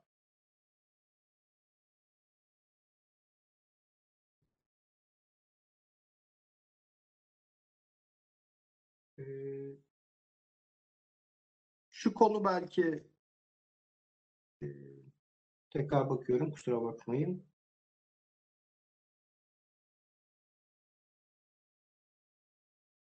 Banu bu tekrar sana dönebilirim. Ee, sanırım bu son sorumuz zaten. Ee, amorti olmuş bir varlığın değerlendirmeye tabi tutulması, yeniden değerlemeye tabi tutulması öz kaynaklarda ne tür bir etki sağlar? Ee, hani amorti olmamış bir varlığa göre kıyaslarsanız sevinirim diye de bir not iletilmiş. Bu konuda bir yorumun olur mu? Şimdi şey amorti olmamış bir varlığı ben pardon amorti olmuş bir varlık demek sabit kıymet değeri birikmiş öğretmen değeri eşit demek. Ben bunu yeniden değerlemeye tabi tuttuğumda e, benim fona aktaracağım rakam olmuyor. Çünkü değerleme öncesi ve değerleme sonrası e, net değerler arasındaki fark fon rakamını fonun hesabına gidiyor olacaktı normal şartlarda. E, burada böyle bir rakam olmadığı için bu değerlemenin bir anlamı yok. Zira e, yeniden değerlemiş olsa dahi e, bu kıymeti sattığı zaman e, zaten sonuçta e, itfa olmuş olduğu için satış bedeli direkt kar olarak realize oluyor olacak. Ben o yüzden anlamlı bulamadım böyle bir değerlemeyi. Bir sonucu olmadığını düşünüyorum. Bilmiyorum senin de farklı bir düşüncen yoksa eğer. Ben de matematiksel olarak senin söylediğine katılıyorum. Tamam. Benimle ilgili bir soru daha vardı benim kısımla ilgili. Özge Hanım'ın sorduğu yüzde ikilik bir sefer mi ödeyeceğim diye sormak istemiş. Ben onu sanki e, yan, taksitleme diye anlamışım, yanlış anlamışım. Tek bir sefer dönecek. Bir daha bununla ilgili yani önümüzdeki sene yüzde iki yüzde ikilik bir vergi ödemiyor olacak. Onu ifade edelim. Bir seferlik bir ödeme olacak değerleme ile ilgili. Teşekkürler bu ilave için. Ee, Ben sanıyorum tüm bir- soruları Efendim, ben bir soru sorabilir miyim? Ee, çok Tabii ki. kafaları karıştıran bir şey de enflasyon düzeltmesi biliyorsunuz. Uzun yıllardır uygulamadık. Acaba enflasyon düzeltmesine ilişkin bir projeksiyonumuz var mı gelecek seneye ilişkin? Çünkü enflasyon son 3 senede %10'u, %100'ü geçebilir. Bu senede %10'u geçebilir. O durumda ne yapmalı acaba e, mükelleflerimiz? Bence bu trikli bir soru. Çünkü o durumda zaten otomatikman bir değerleme yapmanız gerekecek gelecek sene. Bence bunu da bir e, herkesin kafasında bulunması gereken sorulardan birisi. Bu arada şey, Sayın Cumhurbaşkanı'nın %10'u da arttırma etkisi var. Onu da söyleyelim. Yılın, yılın son günü o %10 da arttırılabilir. Ama bunu da bir belirtmek istedim. Çünkü benim çok kafamı meşgul eden konulardan birisi. Hı hı. Ee, bu soruyu şu açıdan mı soruyorsun Emrah? Zaten bir süre sonra böyle bir hakkım olabilecekse şimdi belirli bir yeniden değerleme için belirli bir para ödemeye gerek var mı? Onu mu beklemek gerekir? Sadece ortaya atıyorum çünkü gerçekten onun da uygulanıp uygulanmayacağı belli değil. Sayın Cumhurbaşkanı Hı hı. yetkisini kullanırsa tabii ki uygulanmayacak. Şu an verilen hak muazzam bir hak. Vergisi de çok düşük. E, bilançoları düzeltmek için de çok büyük bir fırsat. Ama bu enflasyon düzeltmesi konusu da uzun yıllar sonra tekrar masaya gelebilir. Önümüzdeki yıl bunu da bir, bir taraftan düşünmek lazım. Evet. Bir, küçük ek daha yapayım Hakan'cığım. E, emlak vergileri kapsamda dedik. Ama 2021 yılı kapsamda değil. Kimseyi yanıltmış olmayalım. MTV'nin de ikinci taksiti kapsamda değil. Kesinleşmiş alacaklar bağlamında. Onu söylemeyi unuttum. Şimdi eklemiş oldum. Teşekkür ederim. Ee, Süremize bakıyorum. Ee, Süremizin sonuna geldik. Hatta iki dakika aşmışız. Ee, Zannediyorum tüm soruları cevapladık. Ee, Atladığım olursa kusura bakmayın. Ee, İletişim e, adreslerimizi sizinle paylaştık. Herhangi bir konuda bizimle irtibata geçebilirsiniz. Sabırla dinlediğiniz için çok teşekkür ediyorum. Sunum yapan arkadaşlara da ayrıca teşekkür ederim. Bizler buradayız. Ee, Bir sorunuz olursa her zaman desteğe, yardıma hazırız. Bu vergi affı kanunlarıyla ilgili tabii e, Üstad, e, Üstadımız Şaban Erdikler de ilk girişte e, bir açıklama yaptı. Ben de ona katılıyorum ve üzerine ekliyorum. Yani istisnanın kural, kuralların da istisna olduğu dönemlerden geçiyoruz. Vergi affı aslında bir istisna olmasına rağmen neredeyse vergi kanunlarından daha iyi öğrenmeye başladık. Bu tabii tehlikeli bir durum. E, Dolayısıyla vergi afflarına çok fazla ihtiyacımız olmadığı günler dileğiyle e, demek istiyorum. E, herkese iyi günler, iyi çalışmalar e, diliyorum. Tekrar teşekkür ederim. Görüşmek üzere. Hoşçakalın. Hoşçakalın. Görüşmek üzere.